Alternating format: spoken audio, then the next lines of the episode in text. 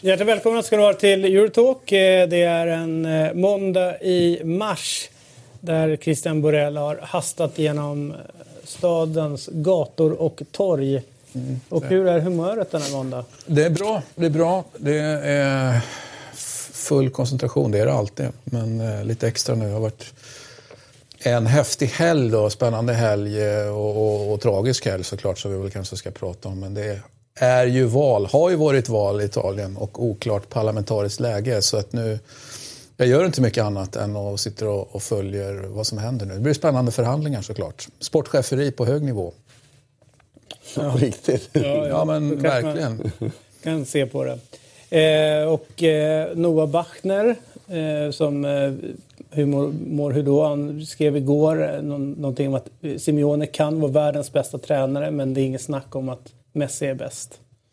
Eh, nej, nej, precis. Det var förvånansvärt få som invände. Jag hade hoppats på nästan, nästan lite mer mothugg. Tränarfrågan var väl... Liksom, det är ju så öppen för bedömning och hur man värderar och sådär.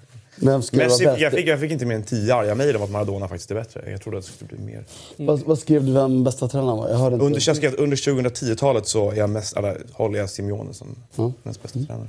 Och Martin som har varit hemma hela vecka nio, inte varit utomlands all, alls. Ja, nu kan jag känna det. Nu kan jag berätta, det är någon som har kapat ditt Instagramkonto mm. eh, och lagt upp bilder från Mexiko tror jag. Eh, kapat kontot och följt med till Mexiko ja. och skuggat. Ja, det är helt sjukt. Nej, men nu kan jag erkänna att jag var i Mexiko. Jag vill ju bara inte liksom, sitta här och annonsera. Man vet aldrig. Det är inbrottsvåg efter inbrottsvåg. Och den bara... tänker du inte på när man sitter och lägger upp grejer på Instagram? Ja, men jag skriver ju aldrig att det är jag som är där nej, nej. nej men då är det jag är aldrig med på bilderna. Nu funderar jag på... Jag kanske snor bilderna av någon annan. Eftersom man är en stor vän av, kanske inte Mexiko nödvändigtvis, det, det, kan jag säkert vara också, men tecknad film. Jag tänker på, på snabbaste musen i Mexiko, Speedy Gonzales. Har du varit nere på träningsläger där för att gå dina berömda 30 meter snabba? Jag har tränat faktiskt. Exakt, mm. mot Speedy Gonzales. Nej. Det har varit jävligt mäktigt. det har varit Nej.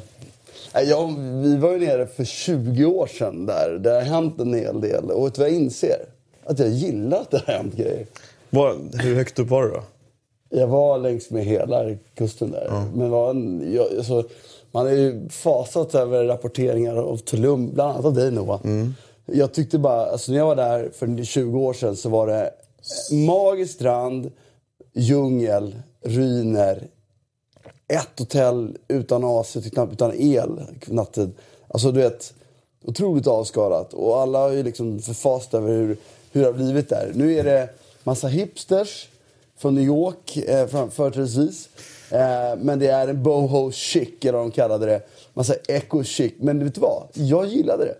Det var såhär, vadå? Jag vill ha AC på rummet. Du är ja, det, var, chic, ja, det var inte AC som var problemet, det var inte den jag klagade på. Nej, det var, det var, det var eko-yoga resort för amerikanska mammor som la upp Instagram-bilder ja, själva i motvind hela tiden. Det ja, det som Ja, exakt. Och, och då, visst fanns det en, en bajsnödighet där, men jag inser ju också att jag vill inte vara där det är orört. Jag är för gammal för det liksom. För harig? För harig också, absolut. Du, eh, eh, det var ju... Eh, du var inne på, du nämnde det, det tragiska då som hände natten mot söndagen. Eh, Fiorentina ska ha match, de ska ha samling. Lagkaptenen kommer inte ner till den utan han hittas uppe på sitt hotellrum eh, och har avlidit. Eh, och det är Davide Astori som jag givetvis pratar om. Han blev 31 år. Eh, och det är ju någonting som har berört många. Vi såg bland annat, eh, ja, förutom då hans familj och, och, och Eh, de nära honom i laget och, och så vidare. Så har man ju sett liksom hur det har spridit sig genom Europa. Eh, och man såg ju ett konto inför matchen hur berörd han var. Eh, och vi har fått rapporter från eh, här hemma i Sverige där Sebastian Eriksson gick ut och spelade match eh, för Blåvitt igår. De spelade tillsammans i Cagliari bland annat och Albin Ekdal bland annat var lagkapten med honom. Men det är ju någonstans när sådana här saker händer att eh, helt plötsligt, eller så här, storheten i fotbollen kommer verkligen fram när tragedierna inträffar och eh, verkligen att klubbfärger suddas ut eh, i det hela. Eh, ni som är då bottnar på ett helt annat sätt än vad jag gör i den italienska fotbollen. Eh, vem var den här Davide Astori? Vad var det för människa och vad var det för fotbollsspelare? Ja, det är väl bättre att fokusera på människan kan jag tycka en dag som den här. Och han, han eh, är, verkar ju vara omvittnat då, eh, väldigt eh, liksom, lågmäld, bra person på alla sätt och vis. Det är väl det som, det är väl det som gör liksom extra ont. Om det har varit ett as då hade det väl kanske varit krångligare och inte, inte fullt så jobb, eller inte så krångligt. Men jo, det tror jag inte handlar om att ofta kan det bli så att man, man, man lovordar någon och det ska man kanske göra när någon går bort. Men i det här fallet känns det som att det verkligen är så. Att det här var verkligen en bra person på alla, på alla sätt och vis. Lång eh, så säga, erfarenhet i, i Cagliari då, framförallt sex säsonger. Eh, inte uppvuxen där dock utan han är ju han är skolad i Milans ungdomsverksamhet och sen lånade Milan ut honom olika omgångar och eh, i, i Serie C så det var ju liksom för länge sedan. Då. Sen rent fotbollsmässigt så var det mycket prat om, inte minst när Allegri tog steget från Cagliari till, till Milan, att det var ju liksom ett Astori-prat varje Mercato egentligen, att ja, men Astori är aktuell för Milan. Det vill säga att komma tillbaka då, men det, så blev ju aldrig fallet. utan eh, Sex säsonger i Cagliari, sen så vart det lite utlåning till Roma och sen så blev det ju Fiorentina. Då. Där han eh, hade ett nykritat kontrakt fram till 2022 om jag inte har fel. Men det är just det folk pratar om, eh, människan. Astori, vilken bra människa det var. Och eh, när man hörde Conte prata om honom så var det ju uteslutande liksom vilken härlig mm, person det var. Och så vidare. Eh, jag tror att eh, eh, man kan inte säga så mycket för att det är så, ord räcker liksom inte till när det är såna här hemska saker som händer. Men jag börjar tänka på Eh, de här hjärtfelen då som, som eh, gör att eh, spelare avlider. Vi har haft ett fall i Sverige med Ivan Torina och nu har vi utan att spekulera för mycket, men verkar vara en liknande, liknande grej här. Hur, ehm, hur är egentligen kollen på fotbollsspelare? Här hade vi ju haft en, en checkup som de rapporterar väldigt tydligt i Italien. Då, eh, och det kan man ju vara konspiratoriskt lagd och säga att det kanske ligger i Fiorentinas eh, e, egen intresse här att berätta att de har haft det. Men om det var för 11 dagar sedan eller om det var den 11 eh, säga, februari, det kommer jag inte ihåg, men e, 11 någonting i alla fall. Så han har ju precis gått igenom en complete checkup då, det vill säga inte bara han utan hela, hela truppen hade gjort det då, och eh, den ska ju ha varit helt utan anmärkning. Så att, eh, min bild är ju fortsatt att Italien ligger långt högt upp bland, eh, först vet jag inte, men de är väldigt omfattande undersökningar. Det finns ju flera spelare som jag har liksom stött på en morgon som inte fått spel godkänt där, som får spela andra ligor. Så där är de ju väldigt noga med det. Men man kommer ju inte åt allt det där. Alltså jag har ju en son nu som börjat bli gammal nog och fråga liksom... När är det här? Tränar man infektion i kroppen. Alltså det, är såna, det är så mycket som man ännu inte vet. Så att, eh, tyvärr går det nog inte att heller att liksom någonsin få bort det här. Och, eh, jag har ingen fakta på det, men det känns som att de har blivit fler och förmodligen för att vi pressar oss mer. Och det är ju en kultur i idrott rent generellt att bita ihop och köra. Liksom. Och det, det, det, får man fundera lite på vad, vad, liksom, vad det innebär egentligen. Så det är, du har ju säkert sett på det när du kom upp som ung spelare. Det var, inte, det var ju fult att säga att man var dålig. Det var ju fult att inte liksom Mm. Blev ju liksom, du lite feber? Träna då. Var det lite eh, brutet? Fast en machogrej att man inte skulle missa träningar eller? Precis. Den är, den är förvisso större upplever jag i, i vår del av Europa än vad det kanske är i södra Europa på ett annat sätt. Det var mycket försiktigare i Italien med, med har en infektion så, så tränar man inte. De har inte alls samma trendshysteri kring det fysiska. Utan då kunde man göra något tekniskt lugnt istället. Så, men eh, oavsett vilket, det, det är nog svårt att... Apropå det här du nämner nu, att de har gjort en complete checkup. Men vi är inte där ännu vetenskapligt och ser de här grejerna. Det är bara bevisligen så. För jag tror fortsatt att Italien ligger, inte i topp kanske, men bland de bästa i världen på, på att göra de här undersökningarna. Inom fotbollsvärlden vill säga. Mm. Eh, så att eh, det är tragiskt bara, så, som sagt, att, att det sker. Han verkar ha varit... Jag har alltså på honom, aldrig träffat honom, bara hört bra om honom man har sett här, han har ju varit lite liksom... Hans familj var ju intresserad av andra saker. Lite kulturellt intresserad. Så man har liksom högaktat honom. Och han var väl, för att ta den fotbollsmässiga bedömningen som jag alltid gjorde var att jag minns ju också det här enkla kopplingen som folk gör. Allegri hade honom favoritspelare. person i Cagliari. Nu är han tränare i Milan. Då, då, det är liksom inte, jag, jag tänkte alltid att han aldrig var bra nog för de bästa klubbarna. Utan det var ju en provinsklubb som Fiorentina, det var där han skulle vara liksom, som bäst. Och det är ju en väldigt vacker tröja att bära och vacker bild där också. Så att, ja. Mm. Jag tänkte på den, för den, den här bilden har ju snurrat runt ganska mycket. Eh, att eh, det är ju, en, eh, om man får säga det är en värdig tröja man bär. Eh, som, eh, den är ju kanske snyggast, snyggast just nu. De fick till den på ett bra sätt. Men eh, det, det är som det är med, med det där och det är svårt tragiskt. Det slår mig hur som helst varje gång eh, hur fantastisk fotboll... Alltså, om man så här, någon gång ifrågasätter vad, vad man på med fotbollen. Vet, folk är förbannade, säger dumma saker. Eh, man blir förbannad själv på domare eller att laget spelar värdelöst och sådana saker. Men när det, väl, när det väl ställs på sin yttersta spets, när något skit händer, då fattar man varför man älskar fotboll. Det är liksom den här jag, jag kraften ibland... liksom så som är... Eh, att då, mm. då bara suddas allting ut och det bara blir en stor jävla gemenskap. Det blir tydligare än någonsin för att, man bara, att, att barnen att man, bara, man ska in dem i lagidrotter. Ja, ja. Det är, bara direkt. Tennis, golf och skit. Fan, in i lagidrotter. alltså jag ser ju allt det här. vara en del av en sammanhang. Jag ser ju allt det här också. Och jag, på något sätt så... Jag tänkte på det igår och jag tänkte på det eh, på samma sätt när, när Chapecoense kraschade. Mm.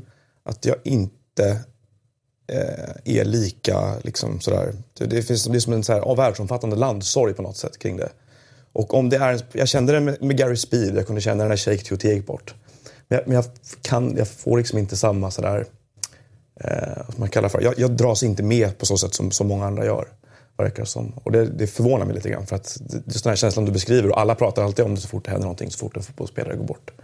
Att eh, fotbollsfamiljen sluter sig och vad det är för någonting sånt där. Det, jag vet inte, för mig är det lite främmande. Jag inte, men jag tror inte kanske att man behöver känna, men att just att du ser det. Jag alltså ser kondolenserna och det är ju en, det är en fantastisk hommage till den här människan. Alla klubbar som, som liksom gör det lilla extra den dagen för att eh, skicka mm. liksom, stärkande ord, värmande ord till Fiorentina, till familj, till lagkamrater. Mm. Alltså det är sån här att alla har en förståelse. Jag märkte ju det tyvärr då väldigt nära när det hände Ivan Torina eh, när det kom lite för nära för att det ska vara liksom, så man, så man kan stöta bort det. Liksom. Ja, men det var det jag menar med Speed och Tutti. Då, då är det någon som jag har en personlig relation till. Som jag tittar på vecka ut och vecka in och lyssnat på i otaliga intervjuer. Det vill säga du bygger en, en, en, en relation till den personen. Han har, man har, den personen har, liksom en sorts, har en plats hos dig.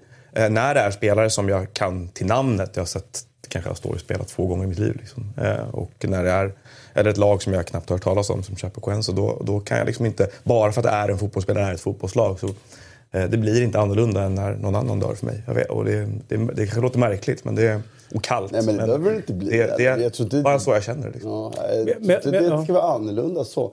Det som är, är, är lätt i ett sånt här fall är ju att, att liksom det är så lätt att förstå situationen att man... Men du har också haft lagkompisar. Liksom, som, Visst, som den identifikationen är ju... Och, det, och det, som kommer, det som kommer nära kanske ibland är ju det här eh, att livet bara pågår. Att, att plötsligt dör någon och man konfronteras med sin egen dödlighet mm. på något sätt. Det, den, den känslan kan jag gripas av också.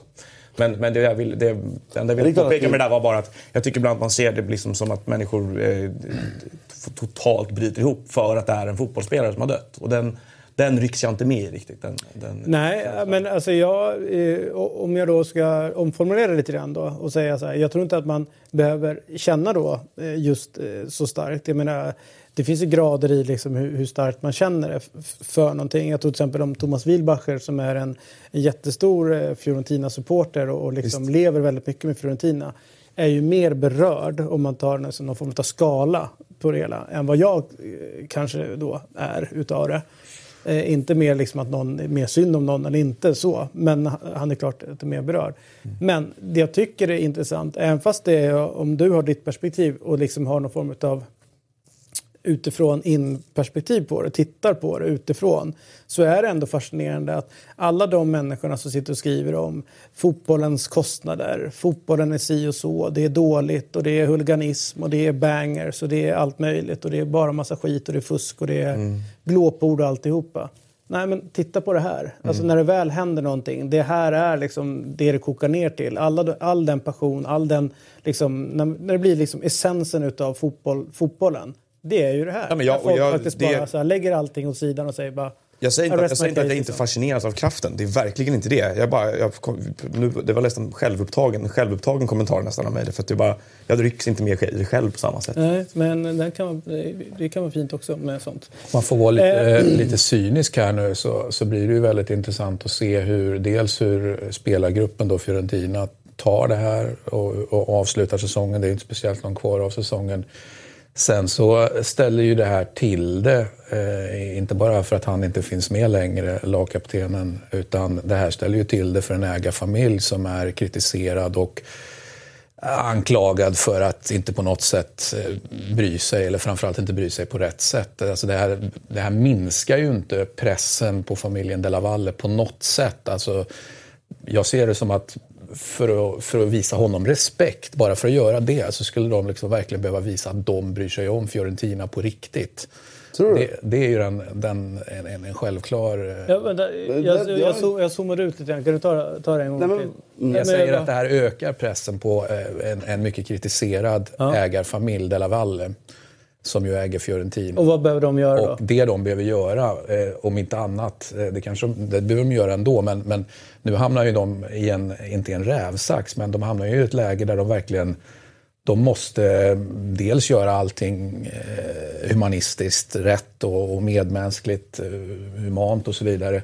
Men jag hävdar med bestämdhet att det här ökar pressen på dem att verkligen, ah, okej, okay, antingen så steppar ni upp och, och, eller så, eller så, liksom, så släpper ni Fiorentina och om inte annat... Men vad, step upp, vad, vad vill du säga? Om? Sportsligt, sportsligt. Alltså bry, bry sig mer, närvara mer, satsa mera pengar brukar ju vara, pengar brukar ju vara viktigt här. Men satsa på riktigt så som Fiorentina satsade för x antal år tror du, sedan. Tror du att det, men jag förstår inte hur det här leder till det här. Jag säger att det här sätter press. Skulle, att de ska satsa mer pengar. Jag, jag skulle vilja hävda det motsatta. Att på kort sikt så, så dämpar det här pressen på dem. Därför på kort sikt, så, det är min bild av när man har varit, jag pratade om eh, Ivan Toruna tidigare, delaktig i en klubb. Liksom. Eller när man, när, när, det behöver inte ens vara så här tragiska saker. Men det ena slutsatsen håller jag med om att gruppen sluter sig i här läge. Du får ju en väldigt stor enande effekt. En väldigt stor liksom, effekt att få dra, dra en tillsammans. Den blir väldigt stor. Så är det absolut. Ja. Och det gäller även supportrar i sådana här lägen vill jag påstå. Mm. Och då tycker jag i sådana här lägen att det oftast, på kort sikt i alla fall, blir lättare för dem. Den eventuella press de har just nu läggs åt sidan för något större mänskligt värde. Men just väldigt nu, snart kommer den, den pressen eh, just, Ja, men just här och nu så, och sången ut tror jag absolut så här, det är inte läge att kritisera. Just nu är det läge att ta det lugnt. Det är läge att vara mänsklig. Det är min bild av det. Sen är det ju däremot, om du pratar om Dele Valles, de vill ju sälja klubben. Mm. Och värdet på den klubben de säljer blir lägre än när en av deras bästa spelare har försvunnit som de inte kan ersätta. Det är ett problem för dem och det riskerar ju slå tillbaka. Men det är ju inte säkert att det gör det, det vill inte jag säga. Ja, jag, men jag vet jag, inte. Jag är helt övertygad att, alltså att gruppen kort, sluter på sig... På kort sikt kommer supportrar också sluta sig. Sikt, absolut. Mm. Men jag menar att väldigt snart har vi en annan effekt där, det... där pressen ökar. Sen ja. exakt hur många dagar, hur många veckor, om det är en månad eller vad det nu är för någonting. Men det här... Det här... Jag, tror inte man ska, jag tror inte man ska underskatta den eh, psykologiska effekten det kan få på en klubb på olika sätt. Jag tror inte att det finns någon regel för hur sånt här påverkar. Minns vad som hände med... med och det var ju inte på grund av att Pontus Segerström gick bort. Men man pratar med folk som var i BP på den tiden så, så i alla fall de jag har pratat med har beskrivit liksom ett mörker som eh, präglade precis allt de gjorde i, i, ett eller två år tills de lyckades vända skutan igen och att de föll handlöst genom divisionerna ner och förlorade varje match i två år. Då fanns de som menade att de hade svårt att liksom, plocka upp sig själva eh, och, och, finna mening i att spela överhuvudtaget. Och det ska man nog inte utesluta att sådana effekter kan dyka upp även i en klubb på på Fiorentinas nivå. Så att, att, att det får den typen av mer omedelbara effekter för eh, spelares förmåga att koncentrera sig på fotboll och såna här saker. Det, det tror jag inte man ska bortse ifrån. Exakt. Absolut inte. Med det sagt så finns det ju en annan bild också. Alltså, jag, det är inte din jag, bild alls. Jag hävdar med bestämdhet att jag, jag har ju levt en sån här, jag har dratt den flera gånger tidigare. Eh, då var Lecce i Serie B och det var två dödsfall, dock inga spelare den gången. utan det var, det var döds, Först var det ett rånmord eh, sensommaren i Paris med den journalisten som följde Lecce framförallt. När jag tittar Lecce på borta, när jag till exempel var och tittade på Lecce i, i Rom, det var inte så att alla Lecce-journalister var med dit, utan då var det liksom, det var, men det var en som alltid var med. Det var han som blev rånmördad. Han var ju liksom den den mest kända helt enkelt Lecce-journalisten. Och sen eh, en bit in på hösten så slog ju blixten ner när de tränade på Via del Mare och, och eh, dödade ju då en eh, vad heter, vad heter det, materialare som då var bara några meter. På, de hade precis avslutat träningen. Eh, Papadopoulos, tränaren, står, står och pratar med Abruscato och några andra. Han plockar in bollarna, är kanske 10-15, jag, jag, vet inte, ganska nära i alla fall. Blixten bara pang, bom, han dör direkt. Liksom. De andra slås ju till marken och allt det där. Eh, och eh, det slutade med att de, alltså, jag vill inte säga att det var någonting positivt, men jag noterar att säsongen slutade som den skulle rent sportsligt. För att det där blev en jävla kraftig. Eh, jag, jag säger inte att det behöver gå till hållet, det kan gå åt båda håll. Men säger, absolut, men man måste, jag tror ju stenhårt på den här kort var, med, med, med, sagt, det var inga spelare, jag är medveten om att det var det. här, jag, tr jag, tror inte att, eh, jag tror att Martin kan ha en bild av hur det är, du har en bild, du kan bra. Det finns ingen naturlag när det gäller sånt Nej, Det var min poäng från början. Alltså, Vi det, pratade först om att sätta press, eller du skulle Nej. mobilisera, Nej. eller det kan, det kan slå det kan vilket håll som helst. Och det behöver inte spela någon roll alls. Och du, alltså, vi har ingen aning om hur det slår, utan det får man liksom eh, kolla lite grann efter. Det enda man kan slå fast är att alla klubbar när sånt här har hänt det är att det finns en, en, en vi, vi-känsla. Mm. Mm. Men sen så hur det sen ger sig sportsligt, det vet vi inte. Men alla de som är i det laget vid det tillfället kommer ha ett speciellt band till varandra.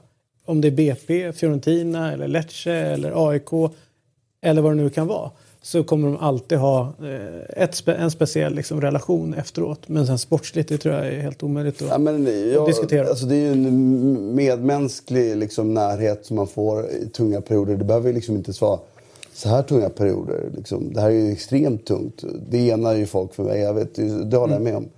Eh, och jag, det är klart att det finns en sportslig nedtur med att bli av med en bra spelare. Och det ska man inte underskatta. Jag jag tror, jag, liksom, jag tror i BP's fall så är det en efterkonstruktion. Jag vill inte någonstans sätta mig över deras, liksom, hur spelarna har mått som personer.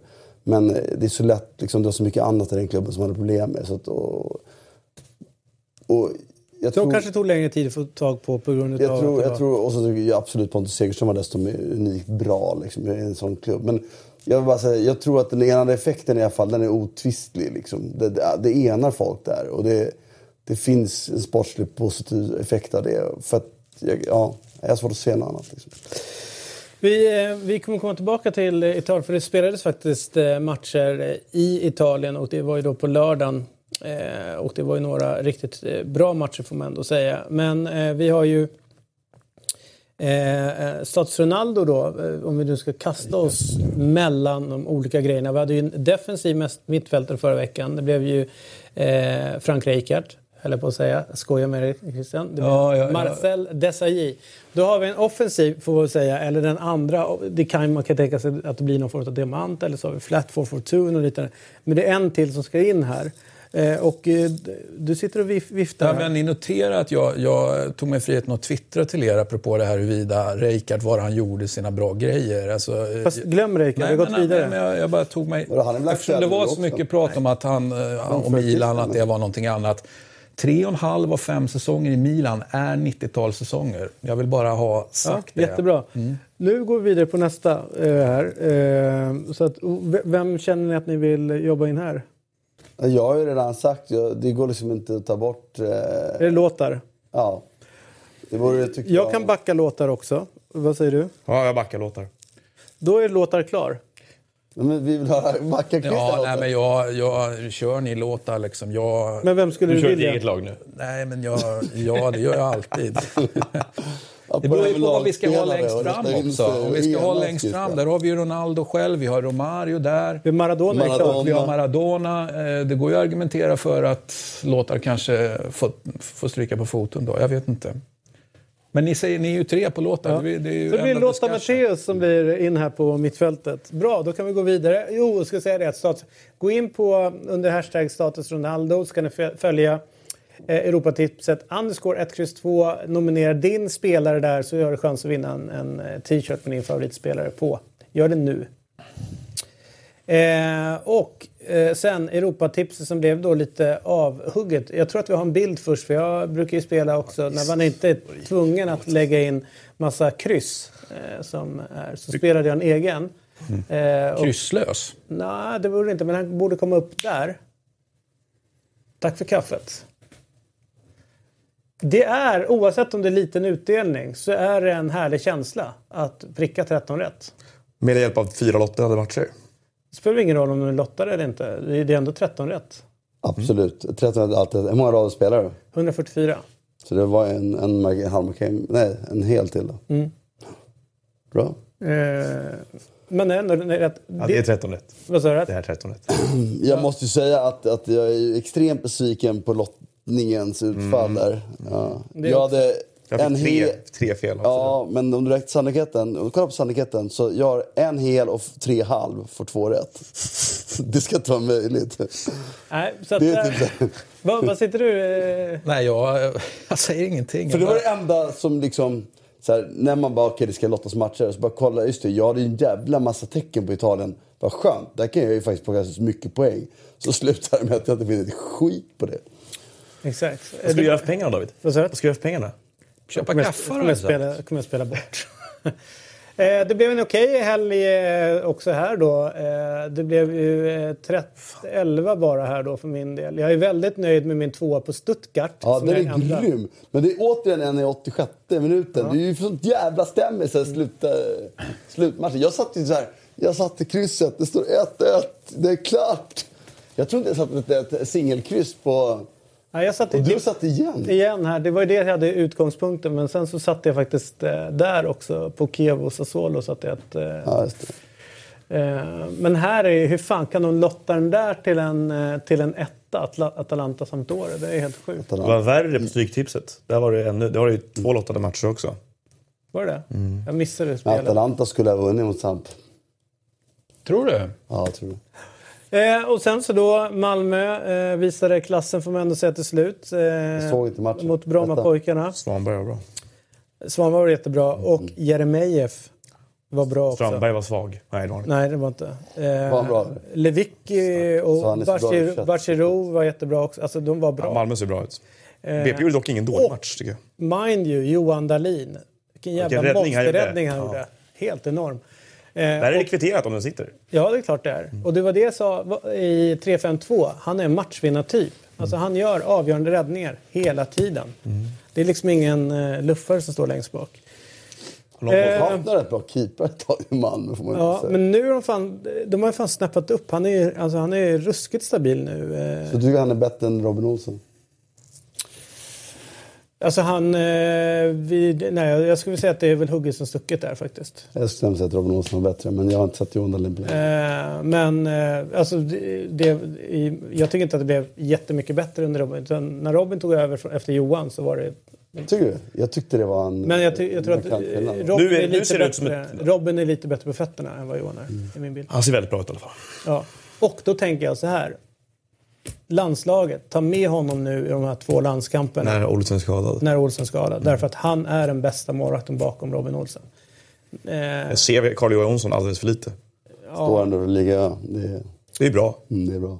eh, och sen så vet jag väl att de håller Nordfält väldigt högt. Mm. Han har spelat en match på nio år nu. Ja, men de håller honom högt ändå.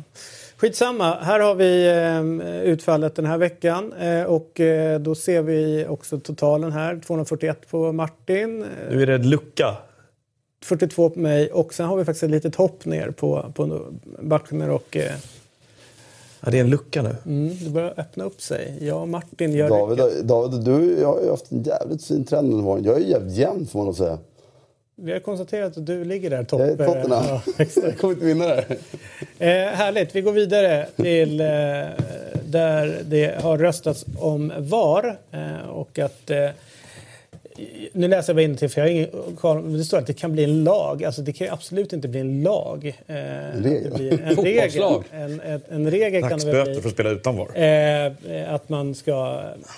Eh, IFAB är det då som har röstat. Är det internationella fotboll... Ja, det är ju de vi kunde lita på en gång i tiden, men det är väldigt oklart om vi kan lita på dem fortsättningsvis. Association Board. Eh, som verkar vara de som har... Eh, det är de som chefar över eh, Reglerna. reglerna. Ja. va? Och där ligger ju dina öar jävligt tungt. Så de har ju varit duktiga på, och, och tack gode gud för det, och se till att inte saker och ting har hänt. Mm. Men nu verkar ju saker och ting hända. Tyvärr. Jag vet att de ska eventuellt eh, ha med det här i, i, VM nu, pratas om, så ut, utspel om. Eh, och eh, Noah var ute och snurrade på Twitter och eh, ibland så får du ju till det på ett bra sätt även där. Vadå då? Nej men alltså det, det handlar ju om ett, ett, ett spel som, som flyter. Alltså goal där, line technology som ändå är att det blir en liten, bara en Ja, det signal. passerar ju omärkt. Som man inte märker. Mm. Det är väl klart att eh, som eh, en motståndare till det från början så ser vi att det har ju fungerat relativt, relativt ska säga, eh, bra. Eh, utan att det blir, alltså allting är relativt. VAR då, om vi såg Tottenham Rochdale så var det ju ett haveri utan dess like. Eh, och det här funkar ju faktiskt inte därför att nu är det fortfarande diskussioner som är... eh, De, de, de, Nej, man, dis- man har inte diskuterar... varit nej. som man tycker den borde vara. Liksom. Det, Det jag blir med diskussioner Ja. om diskussionen på Ja, något sätt. exakt. Du Eh, flyttar ju bara tjafset. Men pr- problemet är ju inte eh, nödvändigtvis att det inte går att ha videodomarassistans. Det är ju att hela konceptet är underutvecklat. Alltså, om det brister i Eh, gångordningen, vems beslut som ska gälla i slutändan, om det brister i kommunikationen mellan de som tittar på videoskärmarna och domarna, om det brister i själva tekniken, om det brister i liksom, ja, men det, processen, den är, inte, den är inte i närheten av klar att implementeras. Och det här var ju helt självklart från början. Det var ju liksom ingen gång när man testade det här, om det var på Confederations Cup eller första gången när vi fick se det, att det såg ut som att så här, ja, men det här kommer nog funka. Det ser ju faktiskt klart ut. Det sa ju ingen. Eh, och Samtidigt så måste man ju driva på utvecklingen om man nu Visst. vill göra det. då har vi så- testat det på olika platser i Europa under säsongen. Bland annat så har det testats i FA-cupen i England, det har testats i andra sammanhang. Sådär. Och, och då har man dragit slutsatsen av de här testen att ja, men det här var tillräckligt bra så vi kör. Det fattar inte jag. Nej. Sen så var det väldigt roligt, såg ni eh, en bild som inte skulle komma ut på en offside-linje som eh, Ja. VAR hade? Som var... eh, alltså, Sned jämfört med straffområdet. Ja, det var helt enormt. Eh, Så det var inte det bästa. Skitsamma. Det här är ju... Jag får ont i huvudet prata om det här så att vi lägger ner det. Och så går vi vidare till... Det kommer ju nu till 100% på full, front och VM och allting. Ja, och sen kommer det bli offside-snack och allt möjligt som kommer bli. Så att det var precis det vi pratade om tidigare. Men blir det någonting offside- annat. Offside har faktiskt potential att bli lite goal line technology.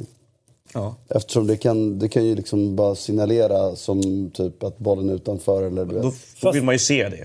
Då vill man se ett par matcher där det funkar. Jo, men det kommer ju funka. Problemet för det är, är att, tekniskt, men det är svårt, när det kommer till... Det ni har rätt i här är ju att ett VAR-beslut på en straff är ändå en tolkningsför... Alltså, Ja, det kommer alltid aldrig komma att bedömning. vara en Det tolkning. blir alltid bedömning. Bedömning blir ju också, det- också, det med, med, eh, också med, med VAR och den tekniken som är idag. Den tar inte hänsyn till, den har inte full koll på exakt när bollen, eh, när spelaren som slår en sista passning fram till den då som eventuellt offside. Nej, sorry. Den har inte koll på det. Eh, alltså, det en- det, det- finns ingenting som står så att precis där eh, och om det diffar på en, jag vet inte, 20 hundradelar Mm.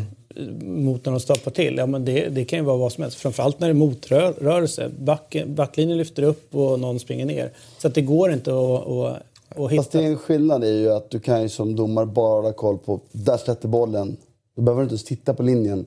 För att om du bara trycker då att det alltså där bollen spelas så kommer tekniken göra okej, okay, han var offside eller inte.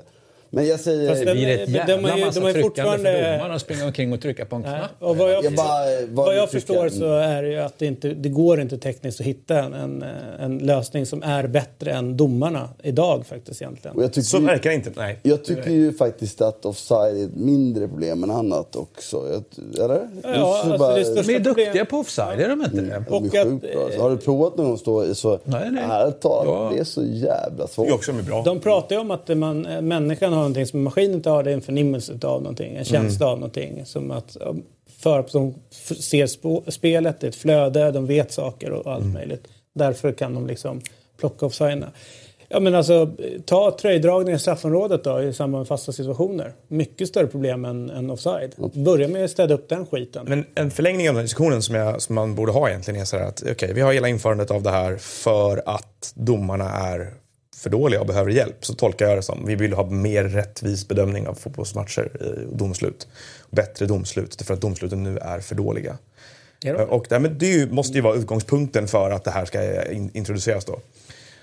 Är domsluten verkligen, är domarna verkligen för dåliga? För att jag har, man har ju aldrig en tränare stå efter en match och klaga på ett domslut som hans lag har fått med sig. Det har ju aldrig ägt rum. Liksom. Då är det ju ganska nice med dåliga domslut. Typ när du har fått en straff eller en offside. Och det är ofta att ah, vi borde vunnit matchen ändå och det här var, liksom, det var inte det som avgjorde och sådär. Men du har ju alltid, när en tränare har förlorat, då är det ju liksom snabbt huvudfokus för att dirigera bort uppmärksamhet från taktik eller byten eller vad det nu är för någonting.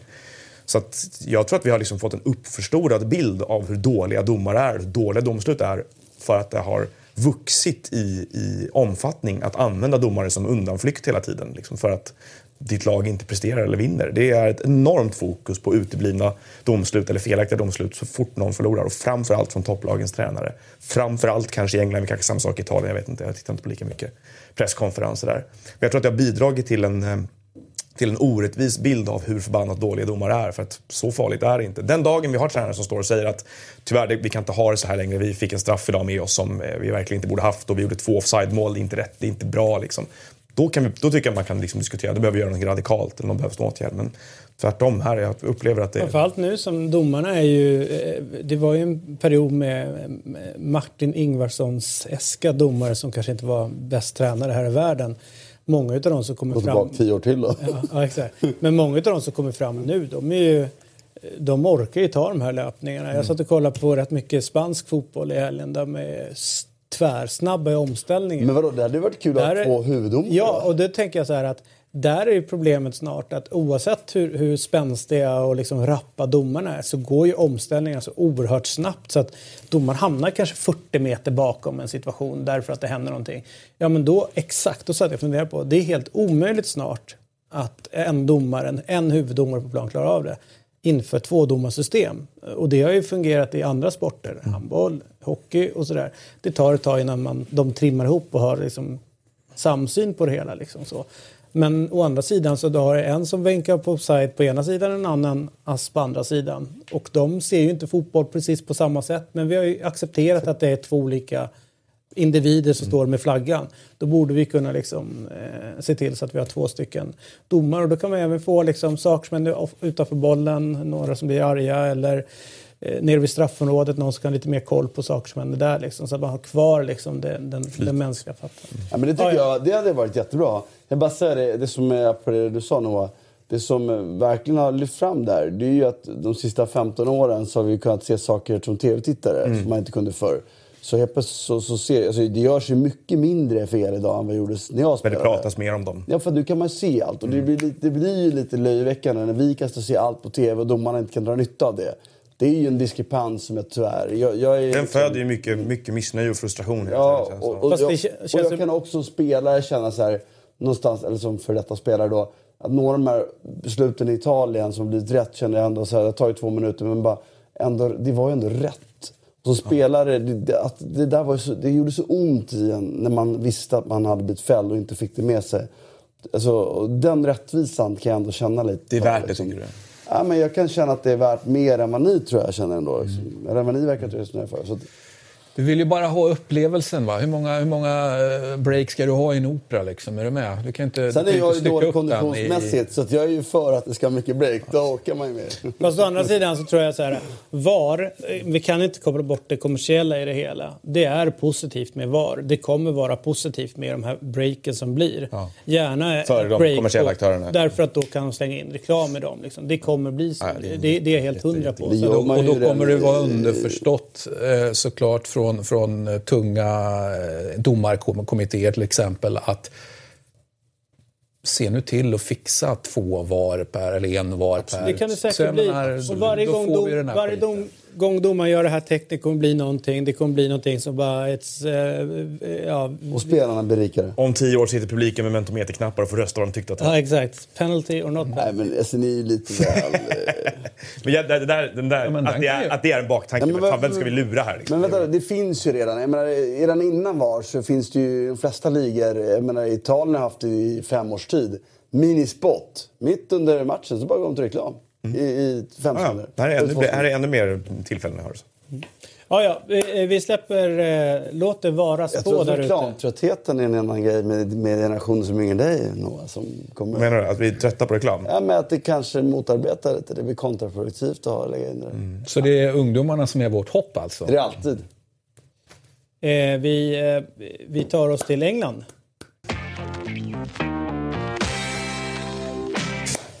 Eh, och vi eh, börjar väl med... Så här, jag orkar inte köra ett, ett, en, ett, en vända med Wenger. Nej, vi struntar i det. Jag bara skiter i det nu. Snälla. Det är lugnt. Är det okej, det, eller? Det, det intressanta är ju att sätta det i perspektiv. Jag tänkte på det eftersom jag hade förmånen då att gå från en Arsenal-match och så gick man rakt in i, i Spanien. Då. Det var ju den som kom eh, precis efter, även om det var väldigt långt eh, tilläggstid i, i Wenger. Och så tänker man då på den utvecklingen som har varit. De mötte, mötte ju Barcelona då 05-06 i en CL-final och vad har egentligen hänt efter det? Eh, ja, Arsenal har ju gått på ett visst sätt efter det och, och då blir ju Barcelonas motståndare här då, som vi säkert ska prata om mer sen, Atletico Madrid har ju mm, till exempel gått åt ett annat håll. Barcelona har eh, legat kvar kanske på samma nivå. Det är ju en förödande jämförelse. Man bara tänker på vad, vad som inte har hänt helt enkelt. Mm, så kan det vara. Eh, lika förödande är det ju om man eh, satt igår och kollade på City-Chelsea. Eh, jag tror att jag har en grej som jag vill visa upp här. Eh, hur det faktiskt såg ut under den här matchen. Den där, den där sekvensen. Ja, När Fabregas stannar och tittar. när hela jävla... Laget stannar och tittar. Ja. Det, det är bland det sjuka. Har du sett den Martin eller? Yes. Jag såg eh, matchen delvis igår. Jag måste bara säga att jag tycker... Kolla på det där. Jag måste bara säga under den matchen, något som jag satt och blev irriterad över som Barcelona-supporter var hur jävla bra var de inte i omställningarna. William, Pedro, ärligt talat. Vad fan, de ska tre frilägen i andra halvlek, Chelsea. Den här matchen kunde de ha vunnit. Jag, jag, undrar, jag skulle vilja höra vad du vad gör för analys av det. För att, eh, jag, det, jag, jag såg den bara med ett öga, men jag tittade på, på mycket sammandrag efteråt också. Det såg ju ut som att de till mång, i mångt och mycket följde Contes matchplan. Alltså, jag tycker inte så mycket, för att det var en del som menade efteråt att nu är det myteri i Chelsea igen och slutar spela, slutar spela för sin tränare. Ja, jag så upplevde inte jag det. Jag förstår att du menar. Den passiva och låga... Det var meningen. Ja, meningen. Absolut. Det var också min bild av det. Så den delar inte jag alls. Det, alltså, det, sen det dras så jävla stora. Ibland blir man lite trött på hur, hur det slår. Liksom. Alltså, det är ett riktigt, riktigt bra lag de möter. Det är riktigt tröstlöst att jaga bollen mot dem. Alltså att de blir stående så här blir så talande och det ser ju fel ut. Men jag kan förstå känslan att vet, springa, springa, Alf tar bolljäveln. Man bara, fan. Jag själv, man bara, jag måste få vila, stå still lite. Men jag vill också bara, och jag tycker att City var klart, klart bättre. Men jag, jag bara så, återigen, jag menar, det fanns mer omställningslägen i den här matchen än det fanns i Barcelona att göra någonting bra. Mycket fler. Det fanns fem, sex som borde mer av. Tre frilägen. Jag menar, Barcelona hade de tre på hela jävla matchen. Då var William briljant alla tre. Och då satt jag som Barcelona-supporter och bara, vad fan kan de inte vara så här dåliga mot Barcelona för? Jag menar, Pedro var på ärligt talat, vilka passningarna. Det var ju som min fot fan alltså. Blir, nej, man blir trött på att se Fast det. det var inte bara Pedro, det var rätt många som Nej, det var många. Men Pedro hade ju några uppenbara lägen där hans passningsfot, som jag normalt sett håller ganska högt. Hans teknik håller jag, funktionell teknik håller jag högt. När han då slår bort de här. Jag förstår ju Hazard till slut som bara, vad, fan liksom.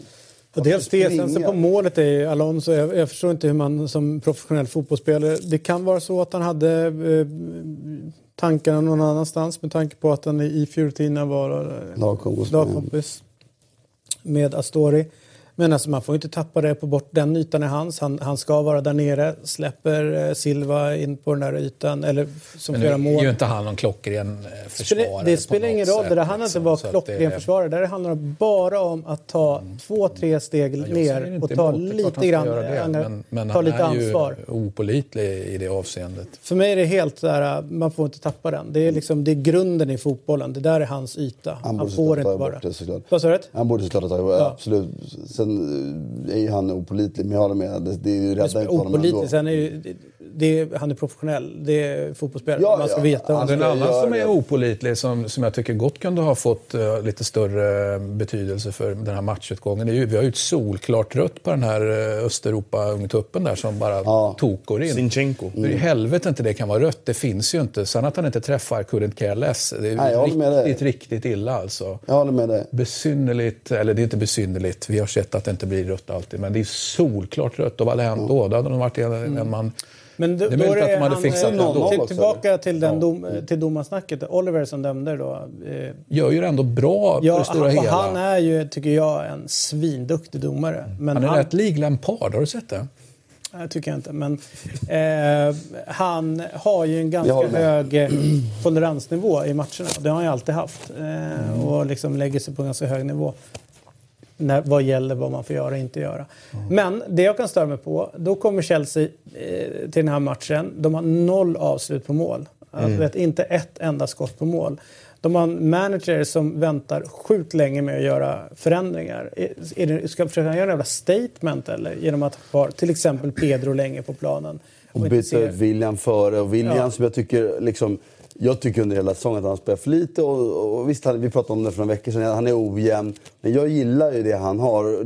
Med tanke på att han har visat upp de senaste månaden. Så fattar jag. Det är ju en spelare man ska ha kvar ganska länge på plan. För att han är ju bevisligen ändå i ganska god form. Ja, det är märkligt. Och jag, och jag har också så här, med de spelarna på bänken. Varför spelar han inte sista 25 minuterna med Jiro Murata på topp och lyfter långt mot en backlinje som inte är så slipad? Jag menar, och sen var det Otamendi hade ju någon tackling där också som kunde varit... Du vet, det, det, varför satte han dem inte? Så det håller jag med om, verkligen. Men fram tills dess tycker jag att matchplanen från Chelsea är förståelig. Jag spelar lågt och de hade omställningslägen. De- de lag som- borde de haft två frilägen i andra halvlek. liksom. stört City mest är de som har spelat precis så här. Alltså det Palace var ju en straff på övertid från att slå dem. Eh, ja, det är förutom Liverpool då. Men Newcastle gjorde också en, en ganska bra hemmamatch mot City genom att stå super... Alltså ge upp allt bollinnehav, 19% första halvlek.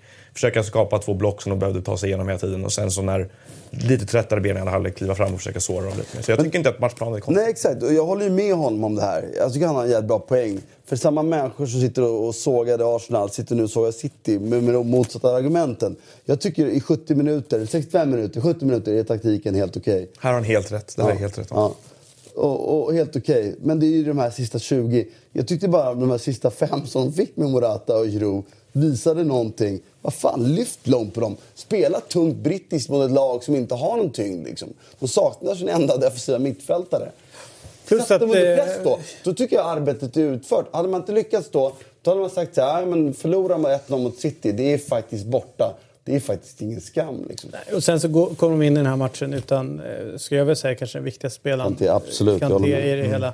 Det är jobbigt, då får man ha Drinkwater och Fabregas. Mm. Fabregas behöver ju Kanté för att kunna, kunna vara Någonting. någonting, överhuvudtaget. I- Igår var han ju ingenting. Eh, så den, den var ju lite frustrerande när man såg den. Men han- här, och har, det här ju- har jag helt rätt och jag håller med dig. Förra årets möte, förvisso fanns en Diego Costa. Men då... eh, Bra var då. men, men då var det också, om man ser några av målen som gjordes, var ju ligger lågt, vinner bollen, ställer om och sårar dem på det sättet. Och det fanns ju, jag ska säga även i första, fanns Ja. hur många lägen som helst med lite bättre kvalitet. Sätta.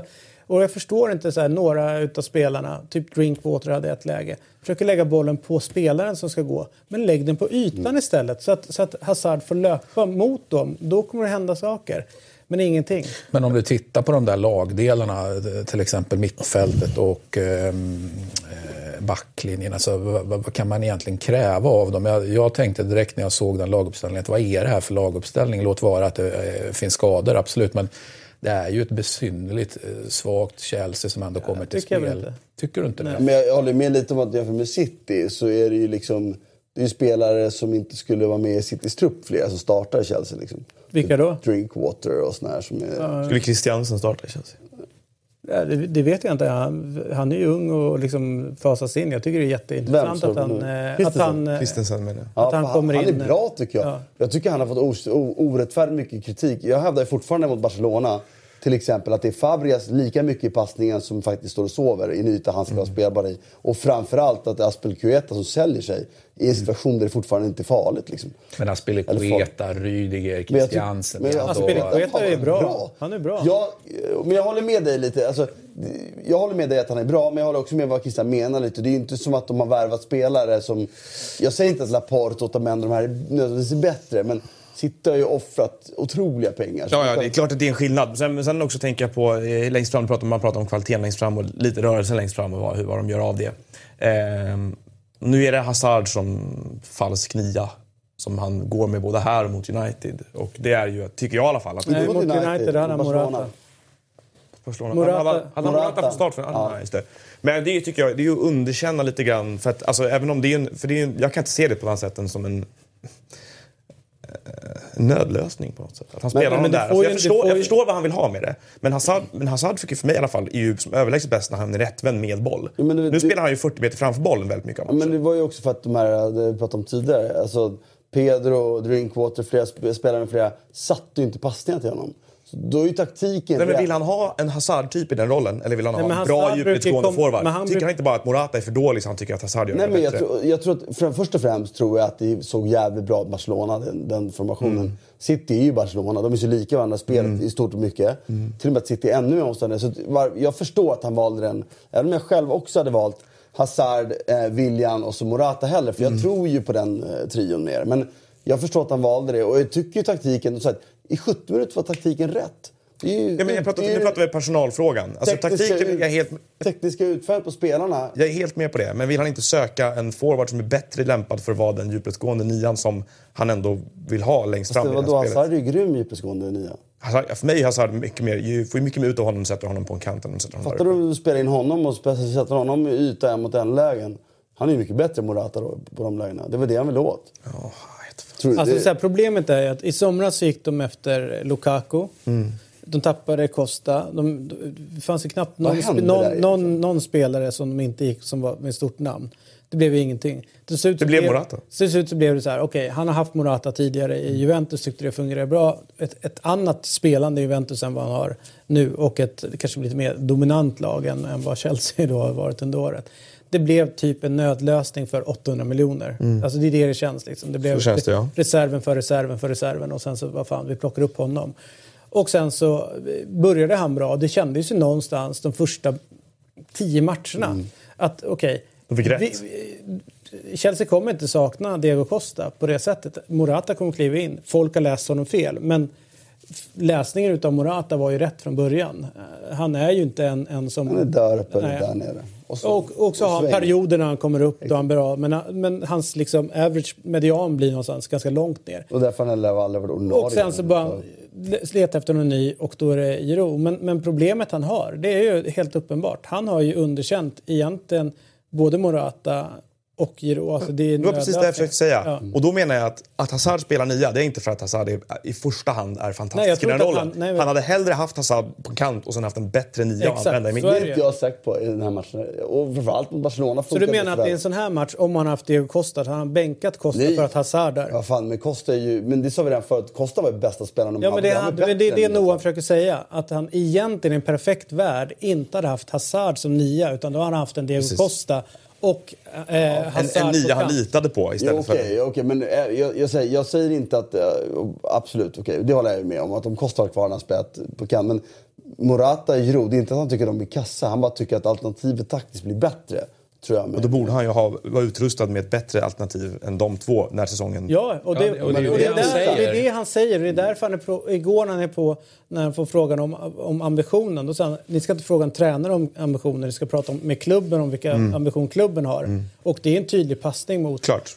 Chelsea skulle ju kunna plockat Lukaku i somras eh, Men vad- tidigare. Men, men vek ju ner sig med, med pengarna liksom. Vad hände med, Lu- med, med, med Costa? Var det Konto han som bråkade? Ja, ja, det var det. skar sig. Det, är, ju- det, är, det är det stora felet Conte har gjort. För att Diego Costa var så otroligt viktig för dem. Mm. Och, Costa har ju själv sagt att han hade velat vara kvar, Mm. men det gick inte att vara under den tränaren. Att han, eh, liksom, han han fick ett sms av honom, du, du eh, ingår inte i mina framtidsplaner.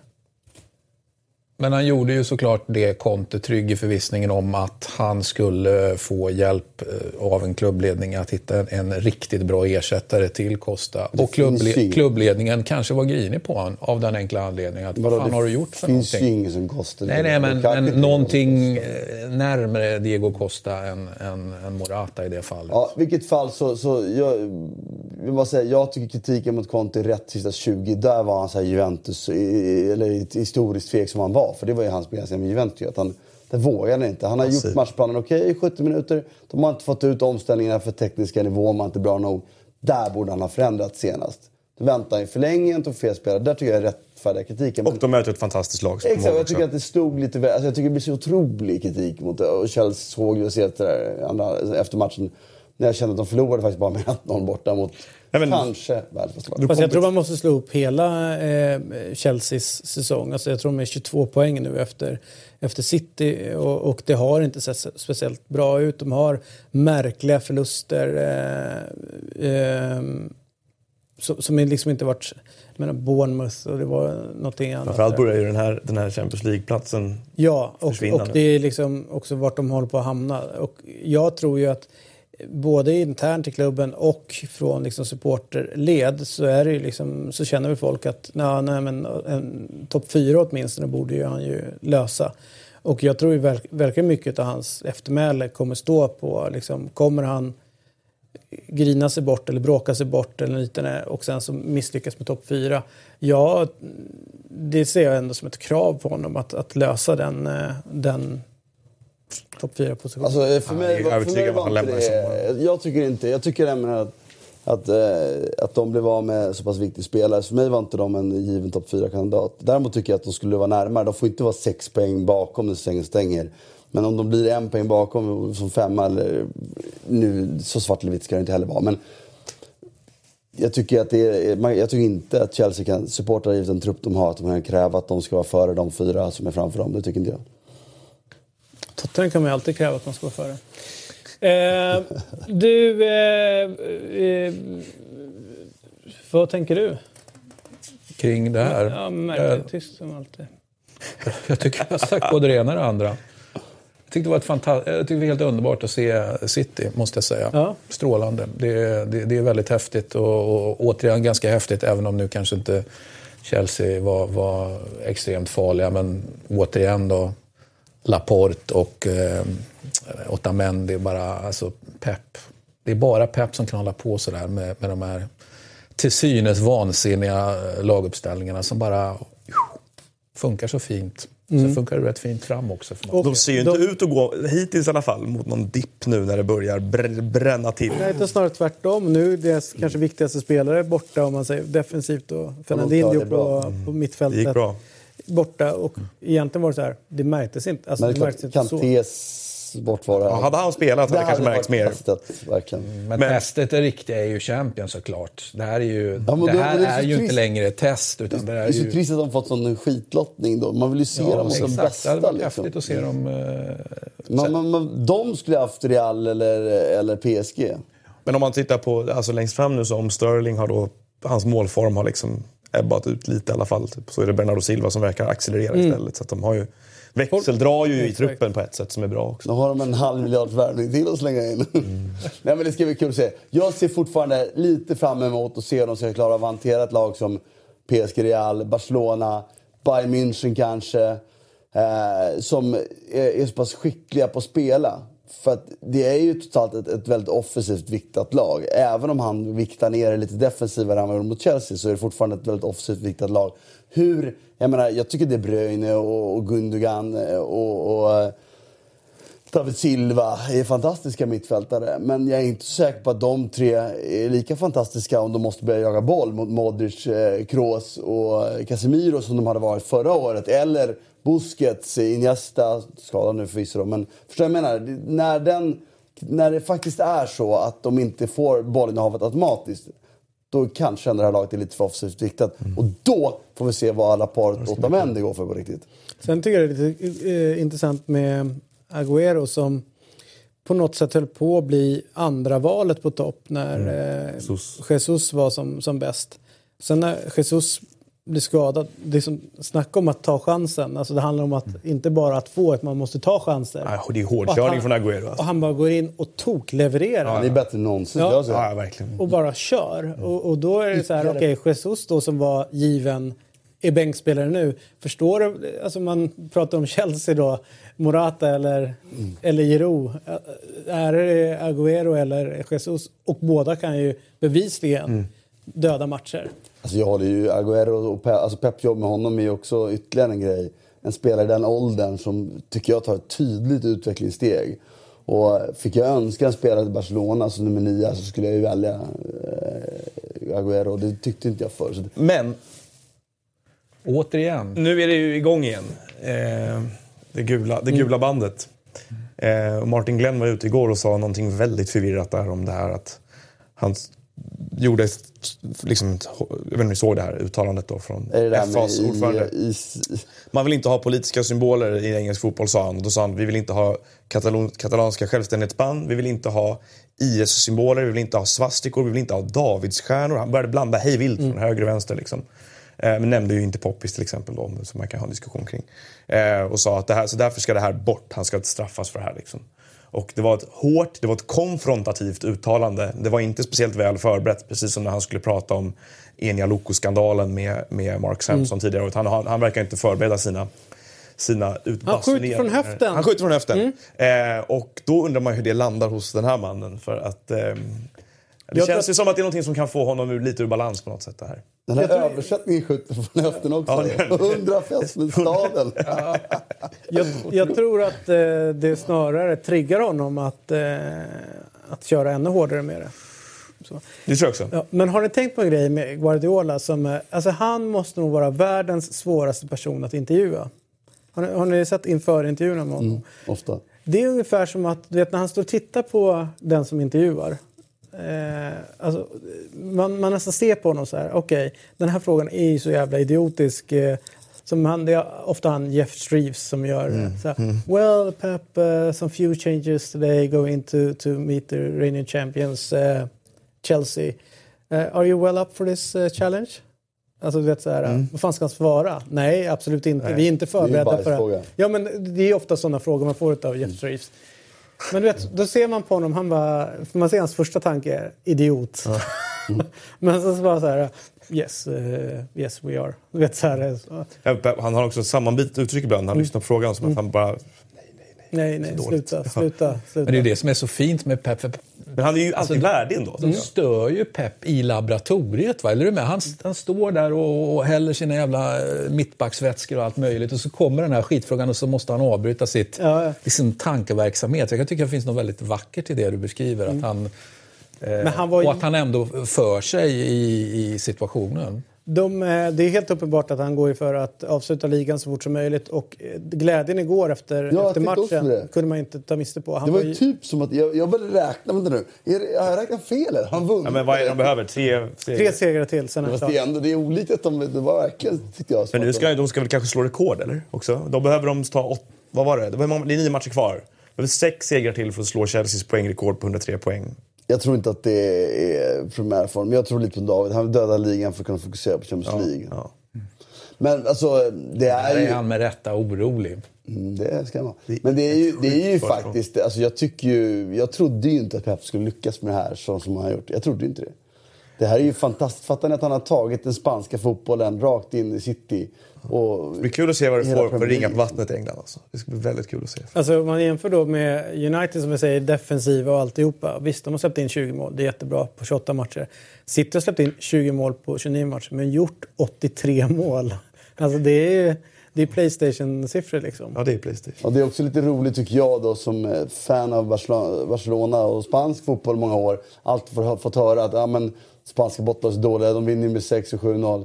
Nej, det är Barcelona som är så jävla bra som gör det. Det är för att de inte behöver kampa ner sina motståndare och spela bort dem. Då kan man göra det mot vilka lag som helst igen. Och nu ser vi City göra det i en liga som ändå har... Vet, det är inte bara City som har satsat, tror jag. Det har investerats pengar och ändå lyckas de med det. Så att Pep Guardiola är... Häftiga är ju att han gör det med nya spelartrupper hela tiden. En, en annan förklaring hade kunnat vara att ah, man hade med sig tre gubbar från Barcelona och sen hade han med sig eh, tre egna det är gubbar. Ja, det är ett universellt Utan- tankegods liksom. Exakt, det är bara... så här gör jag. Och jag kan göra det med eh, Eurotalk-panelen också. Nja. Du, vi, alltså, vi lämnar England eh, och går vidare. Und so weiter, und so weiter som vi säger. Och vi tar oss till eh, Italien. Det är fint. Va? I, där det då var match i lördags på eh, Stadio Olimpico i, eh, i Rom. 18.00 avspark, 0-0 länge. Sen i slutminuten dyker han upp, Dybala, och sätter dit den och det blev 1-0-seger för Juventus. Eh, jag tycker ju någonstans att den här matchen visade Lazio för mig att de är där på riktigt och eh, Simeone, den eh, Inzaghi, mm. den yngre, eh, visar också upp att eh, han är på riktigt vad gäller eh, sin tränargärning. Mm. Därför att det var ett fint fungerande eh, Lazio som, som ställde upp och spelade den här matchen. Ja, de imponerar trots förlusten. Ja, visst gör de det och, och visst imponerar Juventus. Det är ju så otroligt mycket Juventus att, att göra det här målet. Jag, jag, var ganska säker på att Juventus skulle vinna den här matchen. Och, eh, men men ju, ju längre tiden går desto mer blir man ju fundersam. Eh, eller rätt sagt, man blir inte så fundersam för man tar för givet att det kommer eventuellt att sitta där. Och det gör det gång på gång på gång. Och den styrkan, mentala styrkan som, som de visar upp är ju, är ju fantastisk. Mot ett hyfsat fantastiskt Lazio. Jag, ty jag tycker Varför tog han är... av Luis Alberto för? Ja, eh, även solen har sina fläckar. Så även, även... Jag tänkte att han var skadad för jag missade det. Jag tyckte han var bra. Ja, ja absolut. Det är ju ett av den här säsongens absolut bästa europeiska fotbollslag tycker jag, Lazio. Och då säger inte jag att, innan folk börjar tjata här nu, vadå, det finns ju City och allt det där som är Men mest välfungerande Det är fantastiskt till... att titta på. Det är en njutning varje, alltså även när de har förlorat. Nu, kom, nu har de ju haft några jobbiga förluster på slutet. Det är fantastiskt att titta och se dem spela fotboll. De spelar alltid en, en, så att säga, en bra fotboll. Och det är klart att man blir, har lite oflytt och, och, det blir stolpen ut någon gång. Det får man väl räkna med under en säsong. Men de gör ju en, en otroligt jämn prestation sett över säsong. Jag tycker är, jag tycker, jag älskar att titta på det här Lazio måste jag säga. Det, det, det är väldigt häftigt. Mm. Och häftigast av allt är att det är inte så många som behöver lämna. Det kanske jag redan har sagt. Men jag är helt övertygad om att det är inte liksom, attraktionskraften på spelarna. Det är verkligen precis perfekt nivå. Vilken storklubb liksom vill ha men Leiva, han har ju varit uppe och vänt. Vem vill ha Parolo? Vem vill ha Lulic? Vem vill ha, ha Luis Alberto? Han har också varit uppe och vänt. Vem vill ha Immobile? Han har ju redan visat att han inte pallar där uppe. Eh, Okej, okay, Milinkovic Savic vill man ha. De Frey, kanske. Men det är en och en halv av elva spelare som liksom, Du är lite självklart. Jag, ja, tror, jag det... tror nog att Luis Alberto kan ha en del spanska klubbar som kollar och som ser en spelare som löser upp sista ytan. Milinkovic Savic helt säkert. De Vrij helt säkert intressant. Eventuellt Strakosha skulle jag vilja lägga till. Ja, ja Strakosha är ju en, en Borrell-favorit. Men jag menar, han, inte än. Han, han behöver visa mer under fler säsonger. Så att de sitter i en väldigt bra sits. Får, får de behålla Inzaghi? Ja, får de det så är, så är det bra. Eh, men får de det? Men det beror väl på, det enda han kan göra i Italien, hävdar jag med fortfarande med bestämdhet, det är ju Juventus. Så det beror helt på Allegri-situationen om det blir ett tränarbyte där nu. Alltså förr eller senare blir det ju det. Eh, då kan det ha hänt andra grejer med Inzagis tränargäng. Det vill säga han kan ha Men frågan var med form. Allegri var ju inför den här säsongen, om han skulle mm. fortsätta. Nu har han ju det här året och nästa mm. tror jag också. Mm. Han, han, han, valde, ja, men vi han har, valde att fortsätta. Vi har ett Europaspel. Vi, vi, vi får se hur det slutar. Och det är fortfarande en liga som lever. För jag, skulle vilja, jag håller ju med om att det är så sjukt imponerande att Juventus vinner en sån här match. Jag tycker ju inte spelmässigt att det rättfärdigas.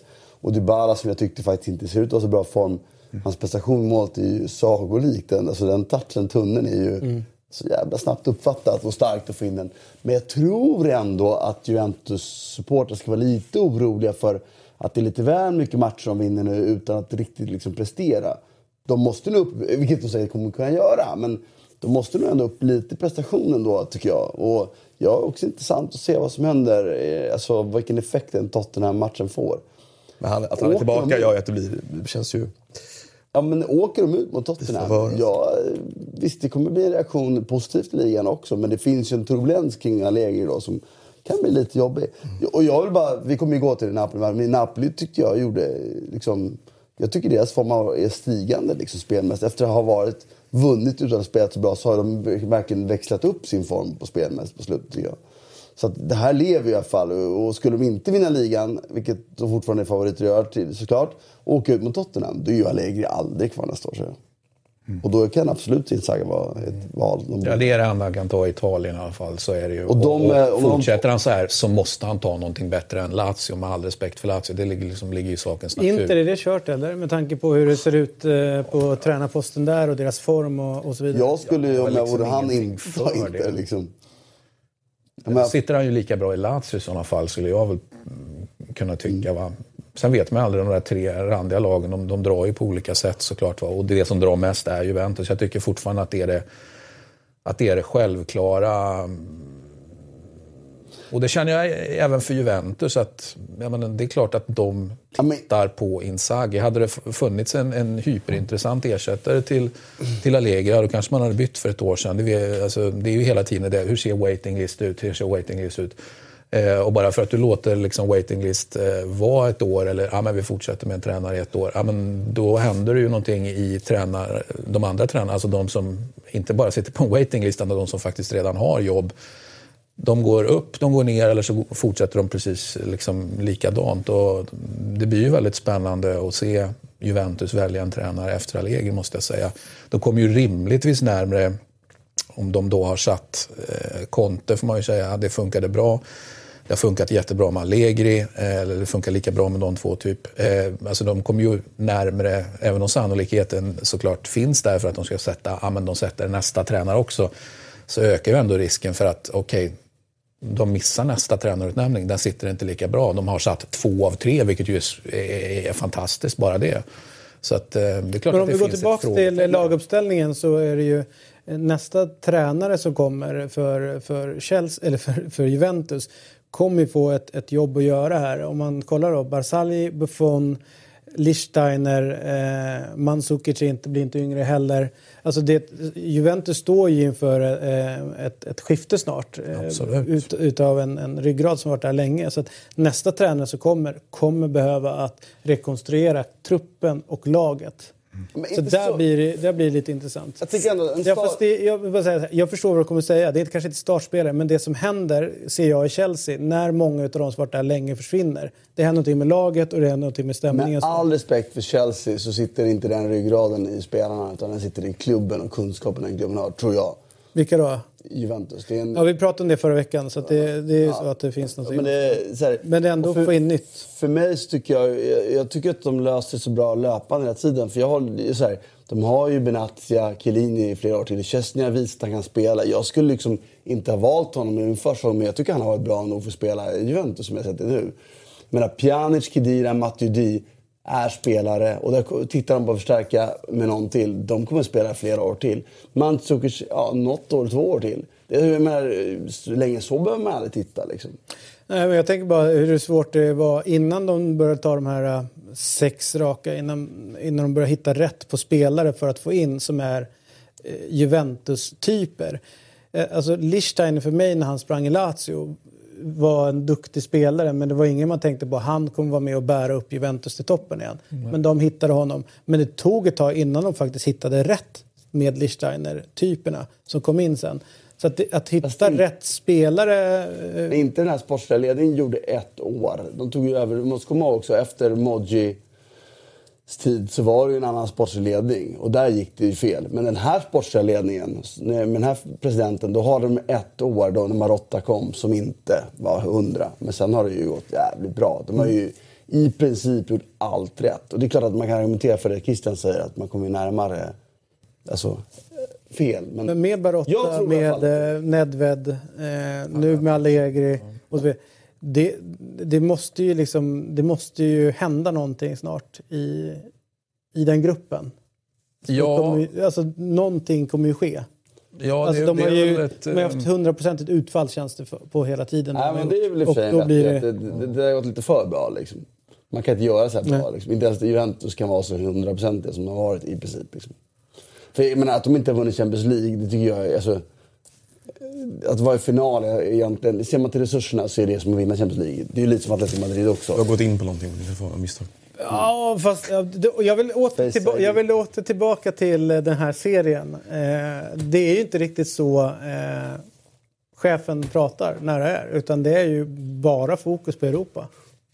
Ja, men jag... Alltså det är, det är så fascinerande. Liksom, så här. Jag tror att många hade varit så här, vi har vunnit sex år i rad. Det är gott så. Liksom. Men det är verkligen så att vi ska erövra Europa. Det är det som är liksom det de jobbar på. Och att glöm, både Buffon och Allegri pratat om det. Det är så fort man har vunnit så bara vidare på nästa. Liksom. Men att det handlar ju också om, att titta på Juventus historia, så är det ju en klubb som har haft svårt att plocka hem den finaste titeln Exakt. i Europa. Så det blir ju liksom ännu ett bevis för den sittande klubbledningen i sådana fall, att om de då skulle fixa det också, och inte bara ta sig till final, då har de ju då gjort det på, eh, liksom fantastiskt. Det finns förvisso eh, titlar tidigare, men, gör de att- är väldigt om få. Han lägger två finaler va? Vad säger du? Han har två har finaler. två. Ja, och sen så var det ju tre finaler på, eh, under Lippi, där de vann bara en gång. Men då är min fråga så här, hur kommer det sig att Juventus är eh, så otroligt bra inhemskt men är, får man ändå säga, nästan en förlorarstämpel när det gäller ute i Europa? Och, eh, alltså, vad är det som gör att de inte lyckas? För de har ju under perioder haft... Förlorarstämpel och gå till final två gånger. Men gå till final, ja, men det är ju Men att- jämfört med andra de kommer riktigt stora lag man så säger har så här, de ju inte lika många titlar. att Vissa lag inte vinner. Men om man kollar Re- Real Madrid, ja, okej, de har några år när de åker ut i åttondel och så vidare. Men sen så går de upp och De har vinner. resurser också. Ja, men, om du, men om du om tittar man på bara en hel med, fotbollshistoria här nu och så tänker Inte man så bara nu, här och nu, utan ta 90-talet Real när de och var- Barca och Milan och allt där och Juventus och, och man bara då... Milan har då, om man tar Milan tror jag fler inteckningar och i så har man Europa inte än en aning Juventus om huruvida, hur saker och ting har gått i Europa och så får man då titta på liga, ligafacit. Då skulle man ju såklart, och, och kanske känna till spelare, det är klart att man skulle gissa att det fanns fler vitsvarta Europatitlar. alltså, jag- Självklart. Men jag vill bara, det är ju, dels så är det ju ett kuppspel som med mindre marginaler. Där liksom, det är inte svart eller vitt att du vinner eller så har du ingen titel alls. De har ju varit i final tycker jag är, är liksom... Men de är ju kungen av marginal. De är, Alltså- kvalitetsstämpeln är väldigt hög om man är i semifinal år efter år. Är man final ofta. Det är liksom, det, dels så är det jämfört med en liga. En liga är alltid den rättvisa vinnaren. En cup i spel blir ju inte alltid det eftersom det har inget med andra saker att göra. Det kan vara vissa enstaka matcher och så vidare. Med det sagt, ja, jag skulle också tro att Juventus hade fler titlar. Eh, men det är eh, ytterst nu mer en resursfråga. Och så är det, det är ju extremt få klubbar vi som har Det är ju vi- mer uppseendeväckande vi att de skit- inte tog fler titlar där och då med Men vi Lippi än nu. i- För nu är vi skiter i- maktbalansen i jag- Europa en annan. Jag Vi tycker skiter i Jag nu. håller precis med dig. Menar skiter jag i nu. Att då, är- ju utfall, då är ju utfallet detsamma i de, de, om ni nu hävdar att det är två olika perioder, då är utfallet detsamma i de båda perioderna i sådana fall, eller hur? Men i den här Man gången- har svårare i Europa än i ligan. Men den här gången är det ju som Noah var inne på. Eh, den här gången är det ju- Förra gången var det lite anmärkningsvärt. Men låt, låt, oss, låt oss bara så här, sluta tänka bara här och nu. Utan filosofiskt, vad är det som gör att en klubb kan vara så dominant inhemskt och ute men liksom aldrig liksom få det sista med sig? Milan har då fler titlar i Europa än vad Juventus har. Juventus har vunnit mästartiteln flera gånger inhemskt. Och då, där kan man liksom jämföra lite grann med att Italien då ekonomiskt alltihopa. Vad är det som gör, som gör att, att de helt plötsligt blir inte vinnare på samma självklara sätt när de går utomlands? Jag har ett elakt svar på det. Vet du vad det är? Jag säger. Ja, men då kan vi ju ta en, en, en, eh, att kunna sätta press och äga ett helt system, det vill säga att, att även äga, äga travirgolette, som vi säger, eh, en domarkår. Liksom. Du kan sätta press på folk i precis rätt läge. betyder inte att du sätter press på dem. Det har vi varit inne på hundratusen gånger tidigare. Och då eh, börjar eländet på Twitter direkt. Ja, men kolla, det är antalet straffar hit, antalet straffar dit. Om vi bara tar straffar som ett exempel, det finns andra exempel också. Eh, Milan hade fler straffar, du är med, du ljuger. Men liksom, det är inte det det handlar om, utan det handlar ju om att kunna, kunna äga ett system och få hjälp när man vill ha hjälp. Om du är jävligt bra, det tror fan att du inte vill ha hjälp varje söndag. Då har det varit ohållbart kravet på att någon ska dominera ett, ett system är ju att de måste leverera, under en väldigt kort period kan de leverera lite sämre. Men kravet, grundkravet är att de måste leverera väldigt, väldigt högt hela tiden. Då kan man också få eh, liksom, support i vissa lägen. Det är min fasta övertygelse. Det Så menar handlar egentligen inte bara om Juventus. Det handlar om vilket, vilket jävla ligasystem som helst, eh, hävdar jag med Så du menar då att, att eh, Juventus kan bara äga Italien och Milan kan bara äga Europa? Jag säger att Juventus har ju bevisligen svårare att äga ett system i, i, i Europa. Och varför, även om man... varför, även går, om man, varför går inte det antagandet för Milan då i sådana fall? Vadå? Milan har ju sju titlar i Europa. De har färre i Italien. De kan äga Europa. Jag vet, inte vem, att- jag vet inte vem som äger systemet i Europa. Jag bara, jag bara konstaterar att Juventus inte gör det på samma sätt som man totalt dominerar ett Nej, system jag i Italien. Det, det Men att de inte skulle dominera eh, liksom, rubbet i Italien, det, det måste du ju ändå känna att så, så har det ju varit så länge vi har levt. Eller? Ja, de är duktiga. Ja, de, är- de är jätteduktiga. Men de det är det för- som är min poäng. De är svinbra. Och så finns det en pusselbit till såklart. Ja, och den är de, inte, de är inte tillräckligt bra på, på, på, på att spela fotboll i Europa. Och sen vill jag hävda att cupspelet ger små marginaler också. Det blir en lite större skillnad, viktning där. Det är inte lika rättvist som ett seriespel är. Men okej, då... Men jag tycker, och så tycker inte jag att det är så svart eller vitt som att, att, att liksom, vi pratar om sex finaler på, på 20 år. Då. Det är ju ett fantastiskt facit att ha. Och det är, och det är två... De det är senaste, inte senaste vunnit mot, mot, nolla har liksom. vunnit en. Men, men de senaste nu mot Real Madrid när de... När de eh, de först torskade mot Real Madrid förra året. Mm. Och så den innan mot Barcelona. Det är ju två exceptionella lag de möter båda gångerna. Sen är det straffarna mot Milan 2003, eller hur? Ja, så Ajax, Ajax, Det är Ajax och Dortmund de torskar mot som är de två som, är, som, de, som man kan tycka att de borde ha vunnit. Men de är Ja, Dortmund, Ajax vinner de emot. Nej, men vilka är de torskar mot mer än Dortmund då? de, de förlorade mot Ajax också då. De förlorade mot Ajax med 1-0. Gjorde de inte när Ajax vann? Nej, de vann. Ajax vann ett år med Klöivert och, och Kanou och de här. Men det var Ja, inte nej, mot det, är, det är ju Ravanelli som gör mål där. De, de vann mot Ajax i finalen, precis. De torskade mot Milan och Dortmund. Och så är det Real Madrid. Mm. Ett, ett, ett ganska kast Real Madrid då, om nu Real Madrid kan vara kassa. Men de är bevisligen, eh, även när de är kassa, eh, rätt Real Madrid kan ju gå käpprätt, höll man på att säga, i, relativt sett, i, i ligan. Men ändå liksom gå hela vägen. Alltså, det, de, jag, jag, bara- de har någon, Real Madrid, man kan tycka att Real. Madrid har en aura utifrån som kanske ibland väger över i såna här, så när du kommer till en final allting ställs på sin spets. Där, liksom, där, jag, jag skulle ju, utan att titta på lagen, du bara ger mig namnen Juventus och Real Madrid, då skulle jag tro att Real Madrid väger över lite i europeiska sammanhang. Men det är en förklaring historiskt och en förklaring i nutid och jag, jag tycker man måste göra skillnad på dem för att det är Juventus som... jämföra tidsserier, det går inte det. Nej, för jag liksom jämför, alltså, att du skulle ha samma orsaker till varför Juventus förlorar finaler under Lippi och applicera dem på varför de inte vinner, vinner Champions League nu, det blir inte riktigt rätt för mig. För jag har en liten teori och det är ju att eh, om man är vinnare på samma sätt då som Barcelona eller Real eller Bayern då, eh, till viss, även fast inte de har vunnit så mycket i Europa men ändå har vunnit i Europa så, så är det inte, de är inte lika, de, de är mer självklara när de kommer ut. När de ställs i den här avgörande matchen så är de inte, alltså det känns som att det knyter sig lite grann mer i, hos Juventus än hos Real.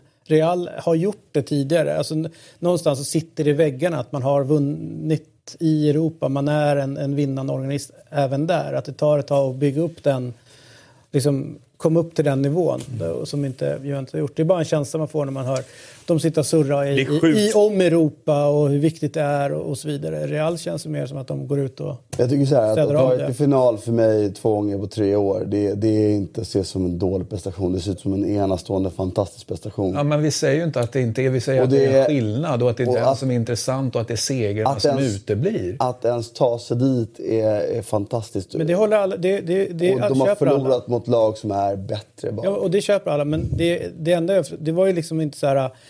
Återigen, inget svart och vitt. Utan det är så här. Det här är ett lag som pratar om att vinna. En klubbledning när de startar upp pratar om att vinna. Och de vinner hela det är tiden. därför de överpresterar ens tas till final. Men frågan är om de inte ryker nu mot Tottenham. Ja, jag, jag tror inte Jag de tror gör att det man är dessutom- sannolikt att de gör det. Alltså. Om du går bakåt i tiden också, jag tycker det är viktigt, du säger att man kan inte jämföra olika eror, men erorna ger ju samma utfall här. Att Man man kan inte dra samma svårt. man kan Nej, jag inte säger inte att du samma behöver dra samma, men en, men en av slutsatserna är ju att utfallet är ett ett, ett resultat där man skulle kunna förvänta sig en annan, annan eh, resultatmässigt eh, utfall helt enkelt. På 90-talet, Och ja. Tittar man då till exempel på de två finalerna under 80-talet då har vi Hazel-matchen till exempel. Och kan man säga, det är ju en, jag driver ju tesen att det blir ju såklart en, efter det som har hänt så blir ju det en väldigt märklig fotbollsmatch. Eh, och jag säger inte att den inte ska räknas, den ska räknas hur jävla mycket som helst. Men det är och förblir en väldigt knepig match. Sen så har man också en finalförlust mot Hamburg Sportverein där man var återigen då stora favoriter. Så att, eh, det finns ju ett mönster här där man inte riktigt eh, levererar i, när det verkligen ställs på sin spets i final, såklart. Men de har så. inte varit favoriter i någon av de man förlorat nu. De har snarare tvärtom varit stora underdogs som tog Ja, sig final. absolut. Alltså prestationen att ens ta sig dit. Det här som du pratar om David, att de sätter ribban högt och de har otroligt stark kultur. Det är det som de gör att de kan överprestera ta, ta sig Det tror jag också att, det tror jag också att eh, anledningen till att från Serie B ta sig hela vägen upp, att de kommer tillbaka. Allting sitter, och du var inte här förra veckan, men då pratade vi om att det kommer från ägarfamiljen och då pratade vi om hur viktigt det är med bygga kultur och, och liksom ha en ägare som kanske är på plats eller närvarande och sätter, ställer krav. Att i, Är det i, anställd event- företrädare som är det? Eller? eller? Ja, nej, ja, jag argumenterar då för att anledningen till att Juventus har gått bra under så många år är ju att de men hela uppstarten, de åker ut till eh, därifrån familjen kommer, de sätter kulturen. Det är inte en tränare som, som styr Juventus, det är inte eh, en spelare som står över någonting utan det är familjen som, det här, det här är kraven och du kommer vandra de här spelarnas i de här spelarnas fotspår. Alltså kulturen och auran är att, att jag, vinna. Men jag, jag tycker ändå att det är fascinerande som ändå har följt och hållit på dem ganska länge att det är just där att de inte levererar just den grejen i finalerna. Även, oavsett om de är underdogs som då Dortmund man kan argumentera för i den matchen. Då ska inte Dortmund vinna för de är underdogs. Eh, men det gör de. 80-talet nämnde du. Nu håller jag med dig om att det är jättestor bedrift att ta sig till final. Det är jättebra. Men å andra sidan, förra året så satt eh, du och jag tror du också pratade om att det här är året de ska utmana, de har laget för det och, och du vet sådana Ja, saker. ja, så det att finns då är ju det inte ingen- en jättestor överraskning att de gick till final. Så. Nej men det var inte, alltså, om du skulle Men- plocka ut fem, fyra favoriter så var inte de bland de fyra. De, det var ändå Barcelona, Bayern Munich, det var ju större lag de, som misslyckades än de lyckades. Mm. Och i finalen hade de chans att vinna, det sa vi ju allihopa. Jag tyckte att Men om man ska få ett reell- rättvist utfall då? Om man nu ska kora världens bästa klubblag då, som man ändå gör i Champions League. Är det rättvist att vi bara har en final? Nej, egentligen inte. Men eh, det är så Men cupspel varför ska allt vara rättvist? Nej, det är ju så cupspel Var? ut. Nej men alltså jag... jag Nej, men alltså-. Det är en Varför? intressant fråga. Jag tycker bara att, att liksom... eh, Jag kan inte dra samma slutsats av 90-talet och 80-talet som av 2000-talet. Nu är det en underdog som överpresterar i mina ögon. Jag tycker det är fantastiskt att de har tagit sig på två finaler på tre år. Det är ett, en, en enastående prestation mot de drakar som finns just nu. Där Juventus då samtidigt som har gjort det här har behövt inte haft intäkter. De har ökat sina intäkter genom att göra bra affärer. De har ju liksom... Det, det är en... en, det är en här, jag vet att Det är en mycket stor bedrift och en- en strålande bedrift. Det är en fantastisk Absolut. bedri- bedrift. Och det är en, att göra det på det sättet. Jag menar alla andra klubbar som har tagit de här stegen, som inte har varit drakar, har fått kapitaltillskott. Det har inte Juventus fått. Juventus har plockat spelare billigt, förädlat och sålt. De har gjort Mm. affärerna. De har, det är det enda beviset på organisk eh, prestation på det sättet. Och det närmaste Ja, de det- med att städa en miljard, va? var det inte så? Absolut. Men därifrån har de ju fått växa under de här på åren. När de, för det ska vi också komma ihåg. Att samma, apropå det här, samma ägarfamilj, dock en annan eh, liksom, företrädare, eh, misslyckades ganska kapitalt under ett antal år. De, hade, de här fick ju ta, un, ta över ett underskott som var rätt stort. Liksom, som var bara tvingades att hantera med Financial Fair Play och lyckats. För det är ju där, jag menar, det spelar ingen roll vem som äger om du har fel sportslig ledning på plats. Du måste ha rätt sportslig ledning på plats. Det är min bild. Jag bara avslutar med Porto och Juventus har lika många inteckningar i Champions League. Porto är en extremt fint välskött klubb. Ja. Men, Men... När tog de sina då? Porto? Eh, Det är ganska de- länge sedan. Det är ju Paolo Futre. Alltså Mourinho såklart, men 2004 Paolo och- är 87, 86 år sådär. någonting. har, de inte, har inte de typ på så här, alltså, hur många City, hur många 30-talet. Dortmund, hur många Chelsea? Jag bara... Men nu jämför vi de som var störst över tid. Och det är ju inte City och det är ju inte Dortmund utan det är ju Juventus Många Manchester United? och Barca och Real och Fyra? vad det nu är för Tre, fyra? Liverpool, har- 87 Liverpool har och, fem va? 87 och 2004 tog Porto sina. Och 85, Paolo Futre. 87 slog de med Röda Stjärnan va, eller? Nej, de spelar Bayern München. Okej. Vilka förlorade Röda Stjärnan mot finalen? Mot Barcelona? Nej. Röda Stjärnan eh, Vann vann ju en final Just för guds skull. I Bari. Så var det, just det. Mm. Ja, men eh, vi... vi Vi lämnar det här. Chelsea har en. Ja. Och det är ju, alltså, bara det att få uppleva det, det är väl helt underbart. Ja, Dessutom är det fel. Du skulle ha fått den i, på hemmaplan eller på din ägares Och hemmaplan. Allt, då hade det varit allt enligt Jag plan, kan säga, eller det var en utav, så, så nere i, i, i botten man var och det var ju över liksom. Det var ju torskat. När Drogba nickade in 1-1. Ja. Fan, jag stod ute på balkongen hos en polare och bara... jag trodde fan, Jag slängde grejer. Jag var på plats och såg skiten. fan underbart. Ja, ja. Du, eh, det var ju också Napoli förlorade eh, mot, mot Roma och släppte in fyra kassar i den, eh, den matchen. Choke. Fyra mål Choke. på hemmaplan. Choke. Ja, de chokade. Choke. De bara... De satt och bara jag då ut. direkt säga så här. Jag tycker inte att det var en chock. Nej, och det här blir jävligt intressant. För jag, för jag satt hemma och du... eh, Och jag sa det till Christian. Eh, jag tyckte det var märkligt hur mycket ni hyllade Napoli. Eh, sett till resultatet. Jag fick ändå arga eh, meddelanden på, på, på, på Twitter och på Facebook. Där jag sa att jag var för kritisk mot Napoli. Jag har, jävla Roma älskar du måste sluta. Pinsam insats. Du hyllade... Du, du, du, du är för mycket Roma-supporter. Du ska inte jobba. Man bara... Jag orkar inte med folk alltså. Nej. För Nej, jag, jag kände själv, precis som du sa, fan egentligen att förlora med 4-1. Det, det, vi får inte berömma för mycket heller liksom, i TV då. Det kan jag göra här liksom. 4-1 hemmaplan. Eh, de, de har verkligen en, en chans nu att gå för scudetton första sedan Maradonas dagar.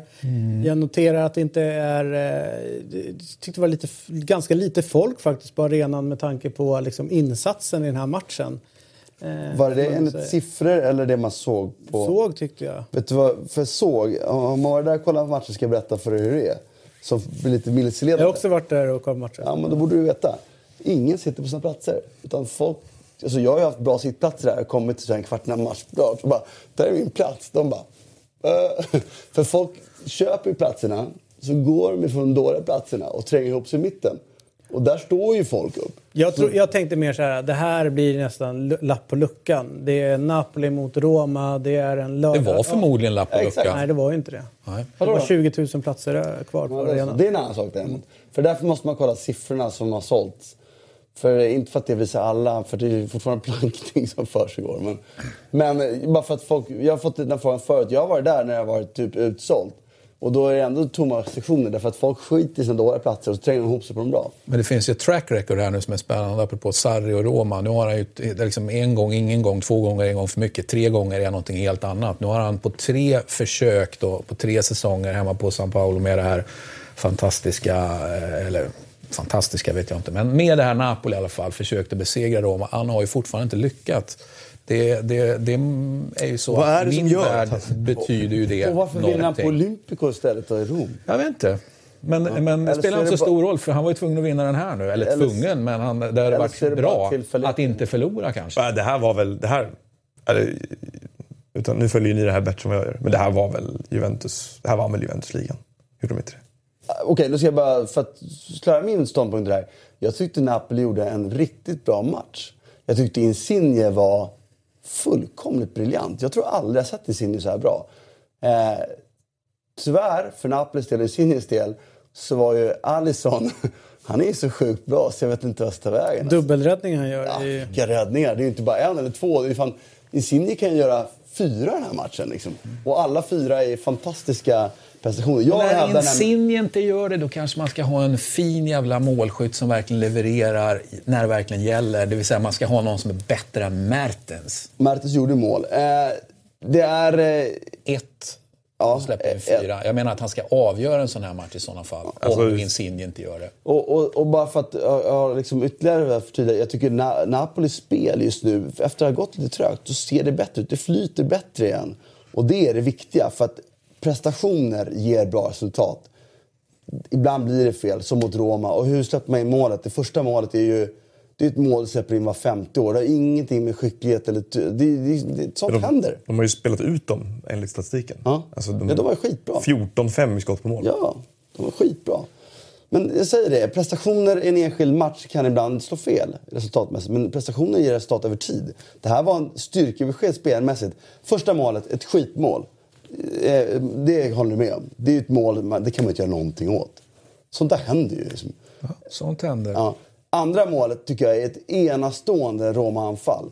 Det inlägget från Florenzi ligger helt perfekt. Och det finns ingen försvarare i världen som kan ta Dzeko i de lägena. Och nicken i det läget är ju, är ju svinbra.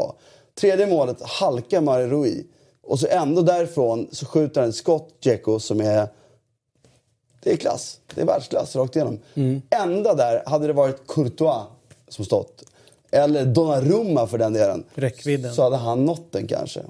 Men Reina gör ju inte det. Han står rätt men når faktiskt inte bollen. Och det fjärde målet, en riktig tavla. Det, absolut. Det är ju Mario Rui. Och det, han är ju tyvärr inte bra nog så. Men däremellan, jag menar, sånt händer. De spelade faktiskt riktigt bra. Roma gör en grymt bra insats rent taktiskt, jobbar stenhårt. Men utan Alisson så hade det här inte gått liksom, ändå. Så jag, jag, är inte lika kritisk mot Napoli som, som... För jag ser prestationen, den var bra. Spelar de så här, som de gjorde mot Roma nu. Spelar de så här året ut, då får Juventus jävligt tufft tror jag. Jag vill ju slå en eh, flagga för Di Francesco i, eh, och liksom hur han lyckas. man skulle kunna argumentera för de torskar mot Milan eh, och det är liksom där, där är hans Hans huvud är ju liksom där, giljotinen på väg ner. Alltså de, ah. så, så, men så var det ju runt omkring på det du brukar prata om, torget. Folk var missnöjda. Att liksom få det här laget, samla ihop det åka ner till Napoli och ta den här segern. Jag tror att de går oerhört stärkta ur det här. Därför att det är ju, man såg ett helt annat eh, Roma, tycker jag, i den här matchen. Och eh, jag var ju ifrågasatt till, ifrågasatt att De Rossi inte startar mot eh, Milan. Men nu är han, är han med. Och, och jag tycker liksom med Strottman, De Rossi, alltså de var ju jävligt ramstarka. Alltså, visst, eh, det är starkt av Napoli att få 14 skott på mål eller vad det nu är. Eh, några är heta och sådär, men en del är ju avslut som inte är jätteheta om man säger så. Roma gör en jävligt bra match defensivt och, och liksom, jag kände inte att trots att Napoli hade mycket boll eh, och spelade fint och sådär, så var det inte...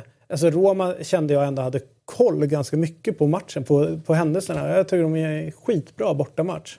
De gör det riktigt, riktigt bra. Det jag håller med om. Och det är glädjande för Roma, vilket är det viktigaste av allt från den här. För att spelmässigt så, så jag menar, det ska man väl säga också, att, att Napoli, en del av de här avsluten Napoli har är ju en briljans av Insigne som faktiskt, jag menar Roma står ju fan med typ rätt och det är på typ en kvadratmeter han tar ner bollen i fart, vickas förbi en och skjuter ett skott som, alltså, det ju, var ju liksom det bästa jag sett Insigne göra i princip. Men eh, det viktigaste för dem är ändå att eh, några saker. Det ena tycker jag att De Rossi var... Jag tycker att nu... Visserligen så har han när han har varit så här bra någon match brukar han göra något dumt matchen efter. Men han var grym. Nangolans duellspel. Mm. Det här var lite det som jag gillade med Nangolan från början. När han blev liksom högre upp i banan. En jävla terrier. Inte ens Allan som har varit så bra vann ju duellerna liksom. Och det tycker jag var jävligt kul att se. Och sen Djecko gör mål. Det måste de ha. För det går inte... Jag menar, han har inte varit dålig, men om han bara är normal då är inte det här laget bra nog att ta sig Champions League tyvärr. De måste ha en spelare som gör de här målen.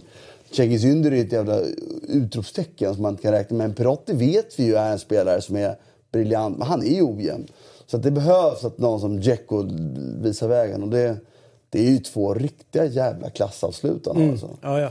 Alltså jag satt och funderade på då, eh, det Noah pratade om tidigare, nummer nio-rollen. Chelsea var ju ute och mm. ryckte honom liksom, ganska hårt. Tänk man så här, tänk man, alltså de avslut han gör, eh, tre, tredje målet han gör. Vänsterfoten. Vänsterfoten. Alltså det är ju så mycket, ja, det är så mycket klass, o, ja. det bara osar klass utav det avslutet. Och det går, inte, alltså det går inte att försvara sig mot det på ett sätt. Visst, men, men målvakt med lite längre Nej, kan kanske ta det. Exakt. Men det är ju, Nej, han liksom böjer runt. Och likadant nicken också tycker jag är en jättebra nick. Det är ett svårt duelläge. Eh, Albiol är inte världens starkaste huvudspelare, men det är, han är ju det är ingen dålig huvudspelare. Men han, kan inte, han är chanslös när bollen slås där. Som är, och det, Ska jag erkänna en grej då? Man har ju spelare sådär som man eh, utan någon konstig anledning gillar även fast man inte förstår varför. Som, alltså, sen är det uppenbart att man kan gilla de tekniska spelarna och de som gör det framåt. Men jag har ju en sweet spot för Stråtman. Det är jättemärkligt. Nej, det tycker jag är rimligt. Så, eh, fan, när, han, när han är bra så, är, så fungerar alltid lagen han spelar i. Alltså när han gör en bra match så är, då spelar det laget bra. Och man såg ju liksom vad han betydde för, om man säger Holland. Eh, Okej, när han gick sönder, ja, då var han tvungen att liksom förändra hela spelet eh, och, och bli liksom ett annat lag. Men med Stråtman i laget så kan man, tränaren kan fan, okej, du är där bra, då kan jag börja, jag kan börja göra min grej. Eh, därför att jag vet att jag kan lita på dig i 90 minuter plus tillägg. Du kommer alltid göra ditt lo- jobb. Fascinerande att kolla på alltså. Ja, det ska bli kul. Och, och det här Roma, på De, Ros, eller Di France, De Francesco, det är ju Shakhtar-matchen hemma som blir... Eh, de, Shakhtar är inget dåligt lag, men trycket är ändå att Roma ska vinna den matchen. Nej, Shakhtar är ett fantastiskt lag det med faktiskt. Det måste, vi pratar alldeles för lite Shakhtar. Ja, där. med. Med en tränare som verkar vara på väg till andra ligor Ja, och det, så kan man, ju, småningom. och det kan man ju någonstans förstå, men jag tycker det mest fascinerande är att han lyckas ärva de här grejerna efter... Det vill säga, det, det är också ett bevis på att dels att han är en duktig tränare, eh, och att det fanns en duktig tränare tidigare, men det är också... Det finns ett projekt i Shakhtar som ju, som ju är en väldigt, väldigt, väldigt imponerande och har varit väldigt imponerande över tid. Det är, Levererar hela tiden. Ja, och, och, och samma jävla fotboll hela tiden. Alltså det, är- det är ju verkligen ha, det, är, det, är, det är som tydlig spelidé så det, är- så det är löjligt. Och en unik förmåga att scouta rätt i Sydamerika. Ja, vilket det är många, är- många klubbar som gör det som är förbannat dåliga på det och slentrianköper spelare därifrån. Tänk han Bernardo som de plockar. Liksom, Bra. Ja, hur bra som helst. Och rätt spelare att ta också. Ja, de är, de är, Ja, det är faktiskt Ett väldigt Tyson också. riktigt, ja, men det, är, det är hur coolt som helst. Livstid där borta i öst. Tjänar mycket cash alltså. Ja, men man tycker att det är kallt, tänker jag. Ja. Fan. Och så åker de hem krig. sen. Eh, Ja, Krig. Ja, det, är- det, är- det, är- de ska ha så mycket beröm de bara kan ha. ja, det tycker jag också. Du, eh, vad härligt. Men det var en jävligt sevärd match får man ändå säga. Eh, Vi måste gå till Spanien. Vi måste Ja, ta vi den ska mest dit sevärda matchen. Vad säger du? Vi måste gå till den mest sevärda matchen på förhand. Ja, och jag tycker inte den var det. Det fanns några andra matcher där som var riktigt bra också. Bland annat eh, där en match som Guidetti spelade i, Sociedad Jag såg Alaves, tyckte jag var riktigt bra match. Men vi tar oss till Du Spanien. landar alltså i...